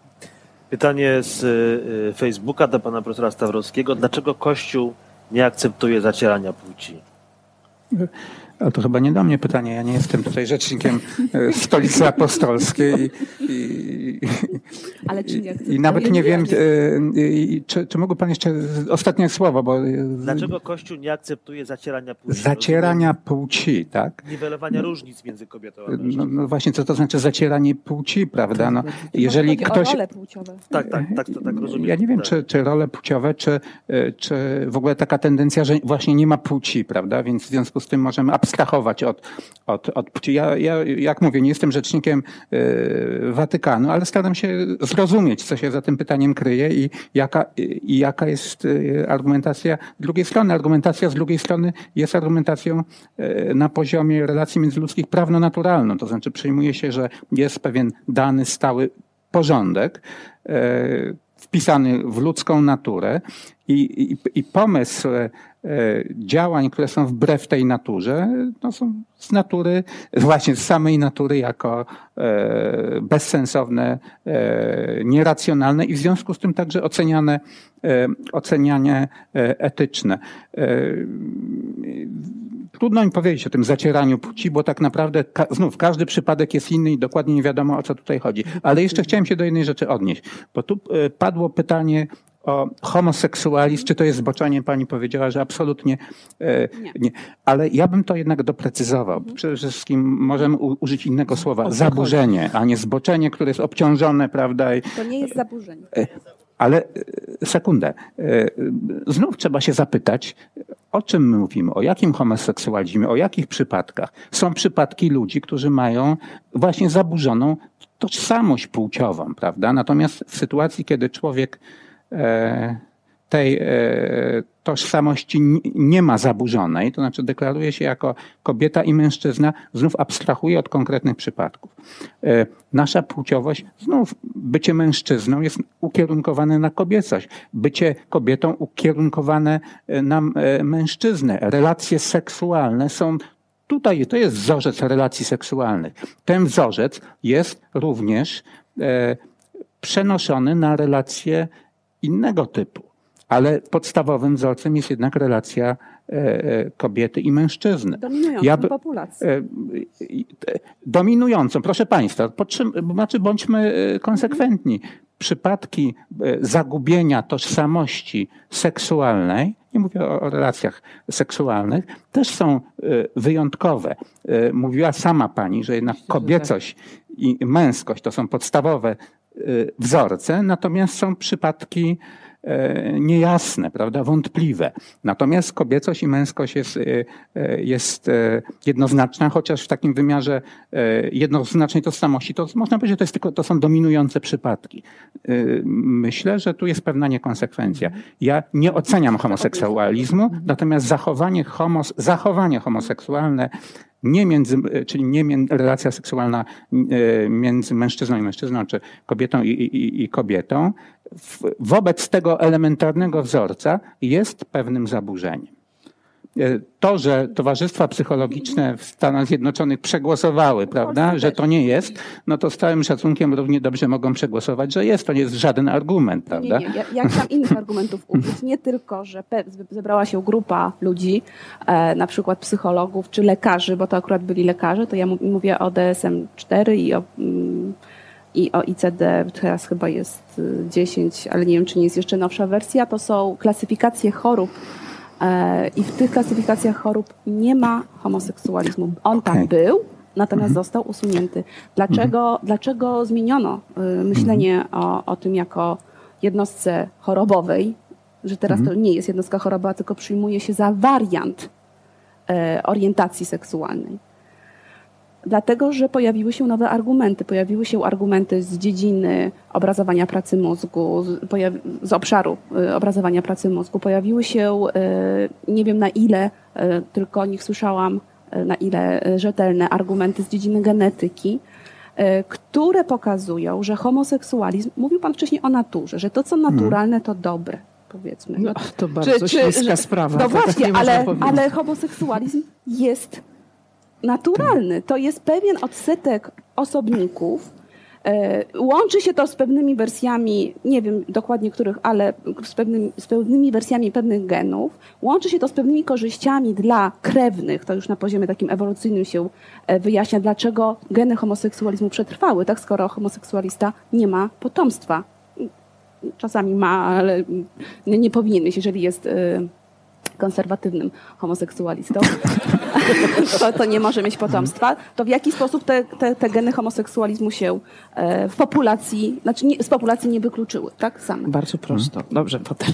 O, to ja bardzo chętnie jeszcze tak. posłucham jak. Natomiast e, raz już od, e, powtórzę jeszcze raz tezę o tych trzech warstwach płciowości, które możemy w psychice wyróżnić, że pierwsza warstwa to jest płeć, tak? Jak, jak, jak jak się plasujemy na wymiarach męskości, płeć psychologiczna na wymiarach męskości, na wymiarach kobiecości. Można by tak, tak człowieka jakoś tam określić.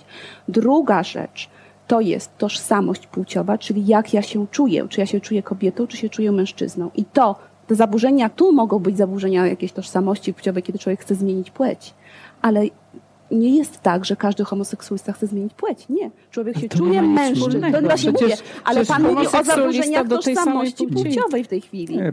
No Nawiązując do homoseksualizmu. Chyba to jest nieporozumienie. Nie. Zaburzenia orientacji, to znaczy a. pociągu do tej samej, a to jest co innego Rozum, niż, że ja się czuję kobietą. Tak, ale nie Czy ja będąc, jeżeli ja jestem homoseksualna jako mhm. kobieta, no to ja się czuję kobietą Oczywiście, przecież nadal, kobietą tak? I podoba i mi się druga kobieta. Kobiet, tak, tak. tak. To jest, to jeszcze, ale... jeszcze kilka słów na temat tych genetycznych. Y, jedną sekundę. Tak, nie ma, ja bym chciała uzupełnić mhm. tutaj, Właśnie. bo tak, po pierwsze, oczywiście homo, dla mnie, jako dla genetyka, homoseksualizm jest absolutnie nieprawidłowością.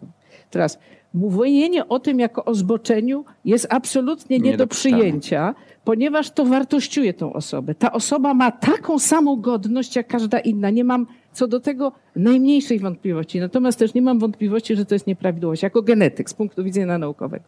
Teraz, jeśli chodzi o to, jeżeli jest tak, że to jest, okazałoby się, że jest to uwarunkowane genetycznie, to przecież niczego nie zmienia. Bardzo dużo zmienia. Jeżeli mówimy, że to jest choroba, jeżeli określamy no, jako chor... chorobę, to zaraz to, to przecież trzeba wy, wynaleźć lekarstwo na tę chorobę. Nie, to, tak? to jest znaczy, pytanie to kwestia wolnej woli. Nie, nie, nie, nie, nie, przepraszam. Ale to, to nie, niekoniecznie, nie, nie. to w zależności od tego, w jakim społeczeństwie się urodziliśmy i w jakim społeczeństwie się wychowujemy. To albo jest, albo nie jest kwestia wolnej woli. Ja jeśli mam. No ale dobrze, no to w takim razie jest bezdyskusyjne. W każdym razie, jeśli chodzi o, ja uważam, że że to są rzeczy bardzo różnorodne, bo biologia jest tak różnorodna, że przyczyn, że ktoś jest akurat homoseksualny, ich myślę bardzo wiele. Genetyka się tym dosyć zajmowała i ja czytałam parę prac na ten temat, gdzie y, usiłowano y, powiedzieć, nawet zlokalizować gen, który mógłby być za to odpowiedzialny. Mówiło się, czytałam taką pracę, to w latach 90. było, że to jest jakiś gen związany właśnie, który jest na chromosomie X i tak dalej. Były również badania porównawcze mózgu. Taka była praca w 2005, w, w, w, powiedzmy w czasopismach z mojej dziedziny. I ja myślę, że ta sprawa jest otwarta. Czy jest to uwarunkowane? Teraz tak, geny mogą być przekazywane, wie pani, są geny dominujące, to znaczy, że jeżeli się ma taki gen, to się choruje, ale można być nosicielem, to znaczy być zdrowym i przenosić na następne pokolenie. Tak się, tak się rozprzestrzeniają geny nieprawidłowe, które potem powodują przeróżne choroby. Tych, prawda? Także to jest bardzo prosto wytłumaczyć. Myślę, że sprawa jest otwarta, ale myślę, że jeżeli się okaże, że to jest na przykład genetycznie uwarunkowane, to nie zmienia w żaden sposób mojego stwierdzenia na ten temat, prawda? Ale podkreślam, to nie ma nic wspólnego z wartościowaniem tego człowieka, bo on ma taką samą godność, dokładnie tak taką samą godność jak każdy inny. I teraz wydaje mi się, że kto wie, czy na przykład to środowisko lekarskie, które tak ustaliło, nie kierowało się czymś takim, że powiedzenie takie może mieć jakieś szalenie negatywne społeczne konsekwencje. Tak. Tym, ale jak gdyby zrezygnowało z prawdy na rzecz yy, nie wiem, ja, ja, ja nie byłam tam i ja tylko mogę, yy, mogę się zastanawiać, dlaczego tak stwierdzono.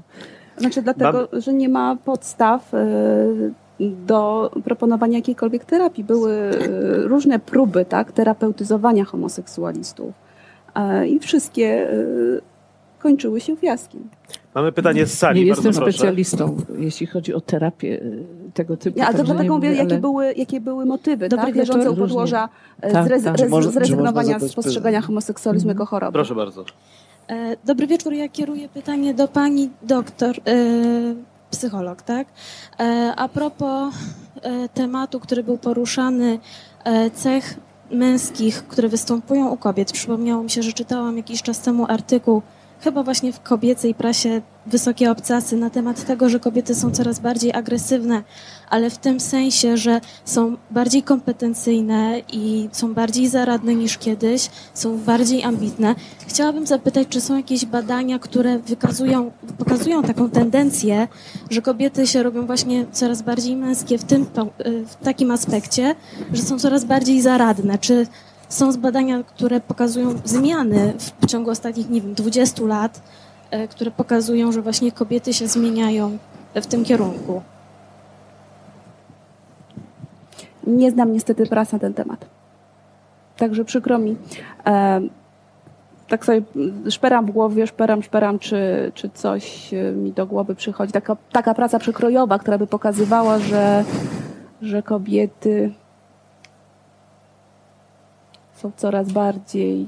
Jedna praca, e, jedna praca, o której słyszałam, której nie czytałam, ale o której słyszałam, e, która pokazała, że e, i to było akurat to było w odniesieniu do takiej kwestionariuszowo mierzonej płci psychologicznej, tak? Jak, jak osoby siebie określały, czy, były, czy, czy bardziej męs- czy, czy w kategoriach bardziej męskich, czy bardziej kobiecych. I ta praca rzeczywiście pokazywała, że kobiety coraz bardziej tak jakby dryfują w kierunku tych męskich cech i te męskie cechy są dla nich coraz bardziej pożądane. To jest to, co, co w tej chwili pamiętam. A jeszcze jedno słyszałam stwierdzenie, ale tak jak to też jest takie y, dosyć nikłe wspomnienie, e, które stwierdzało, że u kobiet, u współczesnych kobiet następuje podwyższenie testosteronu, że, że współczesne kobiety mają wyższy poziom testosteronu niż na przykład 20 lat temu czy 30 lat temu i że to, te, że, no i teraz jest pytanie, dlaczego jest ten wyższy poziom testosteronu? Czy y, czynniki o, o znaczeniu takim psychiczno-społecznym mają na to wpływ, tak, że kobiety właśnie są, no czasami są zmuszone do, do udziału y, w, do, do, do zachowań kompetencyjnych, tak, bo inaczej sobie nie poradzą w pracy, bo muszą zacząć konkurować z mężczyznami, z innymi kobietami, pokazać, że są dobre, pokazać, że są ambitne, próbować godzić pracę i dom, bo w tej chwili najbardziej atrakcyjny człowiek to jest taki, który zarówno się realizuje pod względem, mówię o człowieku, kobiecie, realizuje się pod względem tego, że jest świetną matką, bo sobie radzi z wychowaniem dzieci, prowadzi dom i jeszcze odnosi sukcesy w pracy. To jest naprawdę trudne wszystko do połączenia. Tak więc w tej chwili rzeczywiście taki obraz kobiety yy, no jest bardzo rozpowszechniony i kobiety do tego dążą, tak chciałyby być takie. Natomiast to się oczywiście nie odbywa e, bezkosztowo. E, Być może jednym z, jednym z rezultatów jest to, że zmienia się gospodarka hormonalna tak, u tych kobiet. Ale czy to jest taki proces, który na przykład zaobserwowano wcześniej w krajach zachodnich, gdzie No właśnie ta tutaj nie, nie chcę za bardzo czy- y, wypowiadać się na ten temat, bo nie znam wyników badań, więc nie chciałabym powiedzieć czegoś, czego. Ja mam taką nie- nie uwagę pewna. króciutką. Ja myślę, że lepiej mówić o cechach częściej występujących u mężczyzn i częściej występujących u kobiet niż o cechach męskich i cechach kobiecych. Bo wchodzimy w jakiś niepotrzebny zupełnie y, ślepy zaułek, Bardzo prawda? Bo tutaj dlatego stąd było Mhm. Pani pytanie. Prawda? Bo gdyby, gdy, jeżeli mówimy. Tak. Zgadza się Pani, ja że będzie to bardziej tutaj, y, bo jak Tak. ja mówię męskość, kobiecość, Tak, to coś tak, tam pod tak. tym rozumiem, tak? Jakieś, jakieś konkretne wymiary. I w tej chwili rzeczywiście, dobrze, że Pani to y, poruszyła ten temat. To mnie jakoś E, tak przeszkadzało mi w tej, tej dyskusji. chwili y, nawet psychologowie rezygnują z posługiwania się y, określeniem męskość, kobiecość, tylko mówią, y, że to jest wymiar współpraca versus y, współpraca versus agency, czyli takie działanie y, tendencyjne, tenden, tendencja taka do, do podejmowania działania. Czy tak troszeczkę inaczej się określi? Jeżeli można. Andrzej Czubaj, biolog, Uniwersytet Warszawski.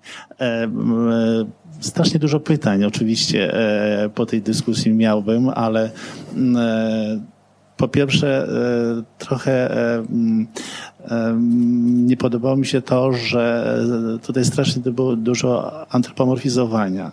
E, ten Paw to był wyjątkiem, z którym też się z, z, z konkluzjami pani doktor nie zgadzam, ponieważ rzeczywiście jednak ten ogon jest dowodem na to, że, że ten paw, paw z pięknym ogonem jest super samcem, bo trzeba koszmarnej energii, koszmarnej, że tak, koszmarnej ilości materiału, żeby ten ogon e, utworzyć, wytworzyć. W związku z czym, jeżeli ma się siłę, ma się materię, to jest się super samcem też. W związku z czym e, rzeczywiście ten element przetrwania był tutaj ważny i nawet jeżeli rzeczywiście on był piękny, no chuderlak e, nie będzie miał pięknego ogona i w związku z czym samica pewnie, no chyba, że niektóre będą takie zboczone, tym, które ja się zainteresują. Absolutnie. Słucham? To się w ogóle nie kłóci z tym, co ja powiedziałam. Ja tak odebrałem pani, pani wypowiedź, że, że, że ten ogon, że tak powiem, był taką ślepą liczką, który, który, który może prowadzić, prowadzić do, do nich. To przepraszam w takim razie, nie zrozumieli miałam zamiaru tego natomiast, natomiast, natomiast nie rozumiem określenia płeć wiąże się z człowieczeństwem, bo jak wiadomo ta płeć funkcjonuje i wśród już chciałem powiedzieć kaczek i może będzie to niepolityczne, gęsi czy ptaków, ryb e, i schodzą coraz niżej. Nawet u bakterii, co prawda nie jest to układ e, jeden jeden, prawda? Tak. Tylko to jest zawsze na, tych płci jest kilka, prawda? Że nie wiem, jedynka może być z dwójką i trójką, ale dwójka nie może no być tak, tak, i tak dalej, i tak dalej. To wszyscy o tym wiemy, prawda? W związku z czym tych płci może, może być, może być kilka. Zatem, zatem to człowieczeństwo, to mi trochę nie pasuje. Ta, ta, ta płeć, że pana stwierdzenie, że płeć wiąże się z człowieczeństwem, e, dla mnie to, jak, jakby to powiedzieć, nie ma żadnego związku, bo no, no tak powiedziałem, może być, e, nie wiem, gęsizm, kaczyzm, e, rybizm, wszystko jednak będziemy to nazywali i w związku z czym ta płeć nie będzie przypisana tylko do człowieka i robienie z tego jakiegoś takiego wyjątku, no chyba jest, jest nieprawdziwe. Ja mam pytanie do, do pani profesor dotyczące obojnactwa, ponieważ e, nie wiem o jakim obojnactwie mówimy, bo tutaj właściwie mówiliśmy o jonarządowych i, i, i, e, tych... Obo... Mówiliśmy ogólnie o obojnactwie, oczywiście tu można wyróżnić konkretne obojnactwo prawdziwe, obojnactwo rzekome i no tak właśnie, dalej, właśnie. prawda? I, i Obojnactwo prawdziwe to jest wtedy, kiedy posiada się, kiedy dana osoba posiada gonady męskie i żeńskie. Zwykle no tak po jednej stronie mhm. męską, po lewej żeńską lub posiada ovotestis, czyli twór, który jest, y, ma utkanie zarówno y, jajnika, jak i jądra, prawda? Część jajnika, część jądra. Y, ja przyznam że nie jestem medykiem i nie wiem, tak. czy rzeczywiście takie e, przypadki wśród ludzi występują, tak jak u zwierząt. Proszę pana, że... ja to badam, nie, więc nie, nie, no, nie, ja wiem, ja. Ja, ja wykazuję się, ja swoje, się tym zajmuję, mówię o swojej tak. niewiedzy, nie tak. wiem i nie wiem, czy, czy taka osoba produkuje zarówno komórki jajowe, jak i plemniki, sprawne, dobre, e, e, zdolne do zapłodnienia się albo do zapłodnienia kogoś. Proszę pana, więc tak. Takie osoby są prawie w 100% niepłodne. To znaczy, że zarówno tkanka y, jajnika, jak i tkanka jądra nie, nie funkcjonuje. Był opisany jakiś przypadek y, takiej osoby, która miała, y, która, w której tkanka y, żeńska była źródłem komórki jajowej i doszło do, y, do, y, do uzyskania potomstwa. Ale to jest przypadek absolutnie skrajny i, i pojedynczy. Natomiast w takich przypadkach znaczy, to, jest, to się wiąże z absolutnie z niepłodnością, prawda? Mm. Bo, e, Zwykle tego... plemniki nie są produkowane wtedy. Ten system męski jest taki bardziej delikatny i on, on e, po prostu nie funkcjonuje. Bo to bojnactwo u zwierząt oczywiście występuje, Naturalne, prawda? Nie mówiąc o tym, że, że tak, przed tak. południem jestem samicą, a po południu samcem, tak, albo powiedzmy tak, młodo będąc samcem, tak. później stałem na starość, staje się samicą. Tak. Pewnie odwrotnie, ale w każdym razie to następstwo czasowe i płciowe bardzo często występuje. Tylko jeszcze jedno, jedno zdanie, przepraszam, e, dotyczące tego e, stwierdzenia pani, e, że poziom badanego testosteronu u kobiet dzisiaj e, chyba jest większy niż powiedzmy, nie wiem, w średniowieczu albo może wcześniej. Albo... Ja myślałam o przestrzeni ostatnich kilku Aha. E, I w związku z czym mam pytanie, bo o ile rzeczywiście... Ale tak jak mówię, ja o tym słyszałam od drugiej osoby, więc Bardzo mam blade wspomnienie. Jedno, jedno pytanie w związku z... Wiążące się z ostatnimi wypowiedziami mm. dotyczącymi homoseksualizmu. Jeżeli, jeżeli rzeczywiście tak jest i pani profesor powiedziała, że i wiemy, że tak jest, że nie ma żadnego genu homoseksualizmu, do tej pory w każdym razie znaczy, nie stwierdzono. Nie wiemy. No, nie, nie stwierdzono, nie stwierdziliśmy, nie, nie, nie stwierdziliśmy póki co. No otwarta, to oczywiście na wszystko jesteśmy otwarci, ale póki tak. co nie stwierdziliśmy. Tak. Natomiast stwierdziliśmy na pewno, że e, wahanie poziomu hormonów wpływa na orientację e, seksualną, prawda? Robiono doświadczenie w, w Scientific American chyba w 2000 którymś roku badania na szczura wykazały, że jeżeli e, dziewczynka była obok dwóch, e, obok chłopców, którzy byli w, w łonie, nazwijmy to szczura, szczura czy myszy, to ona jednak, że tak powiem, dotknięta testosteronem, jednak, że tak powiem, zachowywała się inaczej niż jej siostry, które by obok siebie leżały w, w macicy. Więc tutaj, jakby to powiedzieć, też jest bardzo ciekawe stwierdzenie, że ten testosteron też w jakiś sposób wpływa na, na późniejszą orientację, orientację seksualną. Ja tylko tutaj się odniosę do tego testosteronu. Y, o testosteronie możemy wręcz powiedzieć, że to jest architekt naszego mózgu, tak? jeżeli chodzi o hormony, które, które oddziałują na nas wtedy, kiedy jesteśmy jeszcze w środowisku macicy, tak jak powiedziałam, i w pierwszych, y, najpierw w pierwszych y, miesiącach życia, a potem w okresie adolescencji. To nie ma wątpliwości, że to, jaki jest poziom testosteronu, przekłada się na to, jak później osoba funkcjonuje.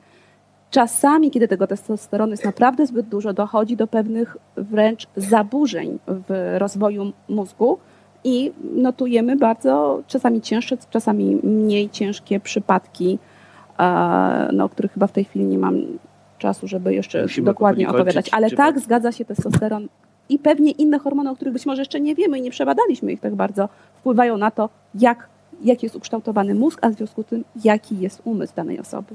Panie profesorze, czy pan by się chciał odnieść? Tak, tak, chciałbym się odnieść do, do tego porównania prawda, człowieczeństwa i płci. Ja starałem się na początku to powiedzieć, to znaczy na człowieka możemy patrzeć niejako od dołu, od tego, co nas łączy z y, materią, życiem i możemy próbować patrzeć na niego od góry, y, mając y, doświadczenie obcowania, nazwijmy to w cudzysłowie, z duchowym światem, światem, który no, jakoś transcenduje tą, tą materialną, żywą rzeczywistość. Kiedy ja mówiłem o płci i człowieczeństwie, patrzyłem jakby od góry. Nie negują, nie neguję oczywiście seksualności, które, mhm. którą mamy, prawda?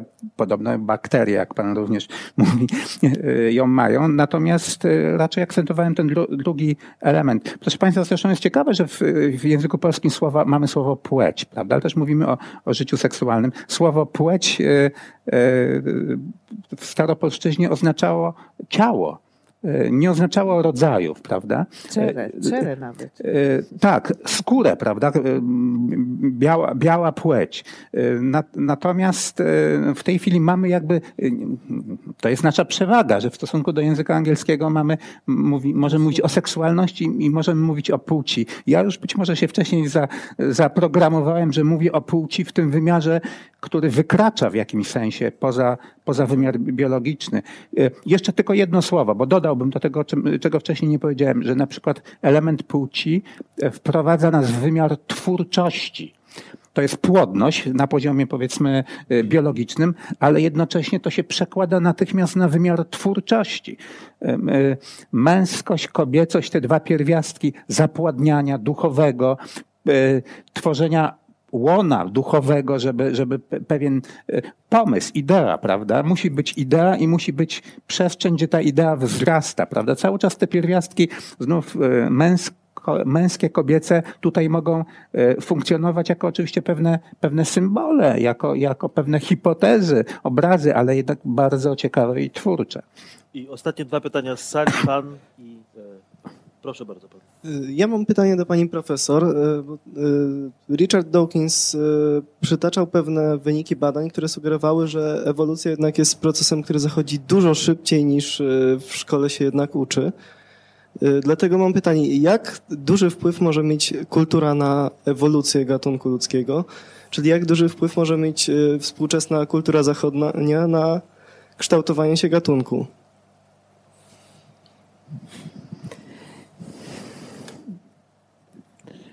Ja myślę, że mimo wszystko, mimo że Richard, że Dawkins powiedział to, co powiedział, myślę, że to są bardzo, y, że porównanie ewolucji z kulturą. Kultura jest czymś uchwytnym, co możemy w jakiejś przestrzeni czasu, no nie wiem, kilku tysięcy lat, co jest no, no szalenie mało, prawda, ocenić. Natomiast ewolucja, nawet jeżeli ona idzie trochę szybciej niż to nam się kiedyś wydawało, to jednak y, jest to przestrzeń czasowa, która jest dla nas nie do ogarnięcia.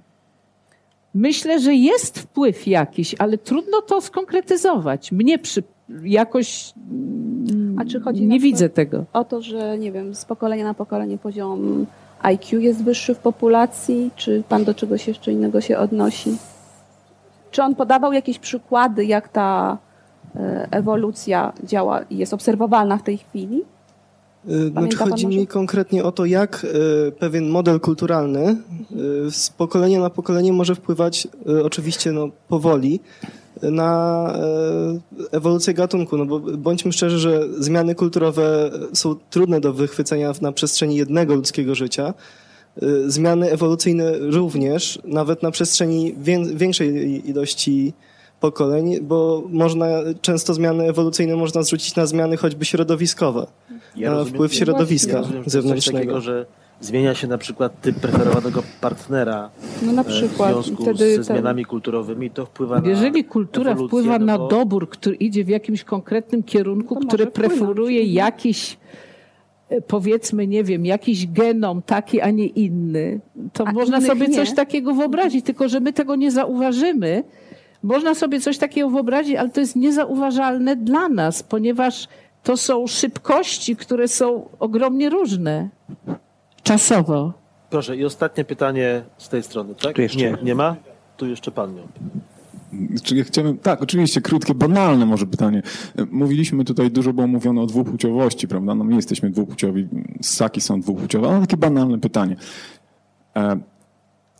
Jak rozumiem, istnieje, istnieje cały szereg e, gatunków, które są, nie są dwupłciowe. I teraz moje pytanie jest takie, czy jednopłciowość to jest, znaczy jak to rozumieją biolodzy? Jeżeli coś nie jest dwupłciowe, to czy może być trój bądź więcej płciowe? E, czy też oznacza to automatycznie, że jest to jednopłciowe? Jeżeli jest jednopłciowe, to wobec tego, czy to znaczy, czy jest to tożsame z tym, że jest bezpłciowe? W sensie, że czy jedna płeć to jest, czy jeden to jest zero w biologii? No. Jedna płeć, płeć to tak jakby jej w ogóle nie było. Są organizmy, Dwie, nie, płci, płci to są te osobniki, osobniki, które charakteryzują się dwoma płciami, to są te, które mogą ze sobą mieć potomstwo. Teraz, teraz jeżeli, prawda, to jest to. Y, teraz bezpłciowość to znaczy, że, roz, że, że się samopowielają, że pączkują na przykład, tak jak drożdże pączkują, prawda? Wtedy nie, nie ma płci. płci. Nie mówimy o płci. Tak. A, ja, a co jest tak. z, z tymi brodkami?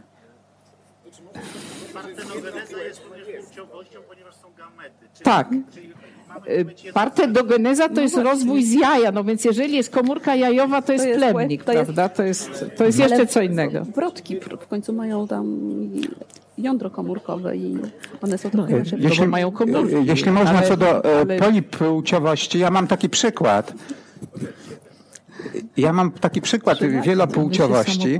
E, nie wiem, czy Państwo czytaliście Stanisława Lema, Dzienniki Gwiazdowe. Tam Ion Tichy w czasie jednej z podróży trafił na taką bardzo gorącą planetę, gdzie podstawową komórką społeczną była pięciornia.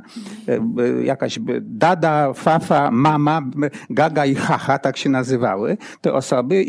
I, żeby doszło do płodnego związku, oczywiście ta pięciornia musiała się zebrać w całości. Natomiast kiedy się nie zbierała, to mieliśmy po prostu E, do czynienia z tragedią romantyczną. tego, typu, e, tego typu rozmnażanie, gdzie się musi aż pięć elementów zebrać, żeby e, powstał nowy byt, jest strasznie skomplikowane i trudne do zorganizowania. Dużo łatwiej się rozmnażać jednopłciowym czy bezpłciowym organizmom niż takim organizmom jak my, gdzie muszą się spotkać dwie osoby, bo jak to mówił poeta, cały ambaras, żeby dwoje chciało naraz. Ale jakie by to było twórcze. Prawda? E, dziękuję Państwu bardzo za udział w debacie. Bardzo nam było miło Państwa gościć. E,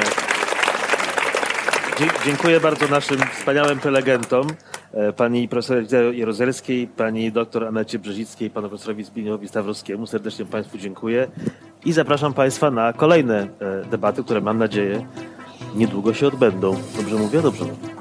Dziękuję bardzo. Dziękujemy. Dziękujemy. Dziękujemy.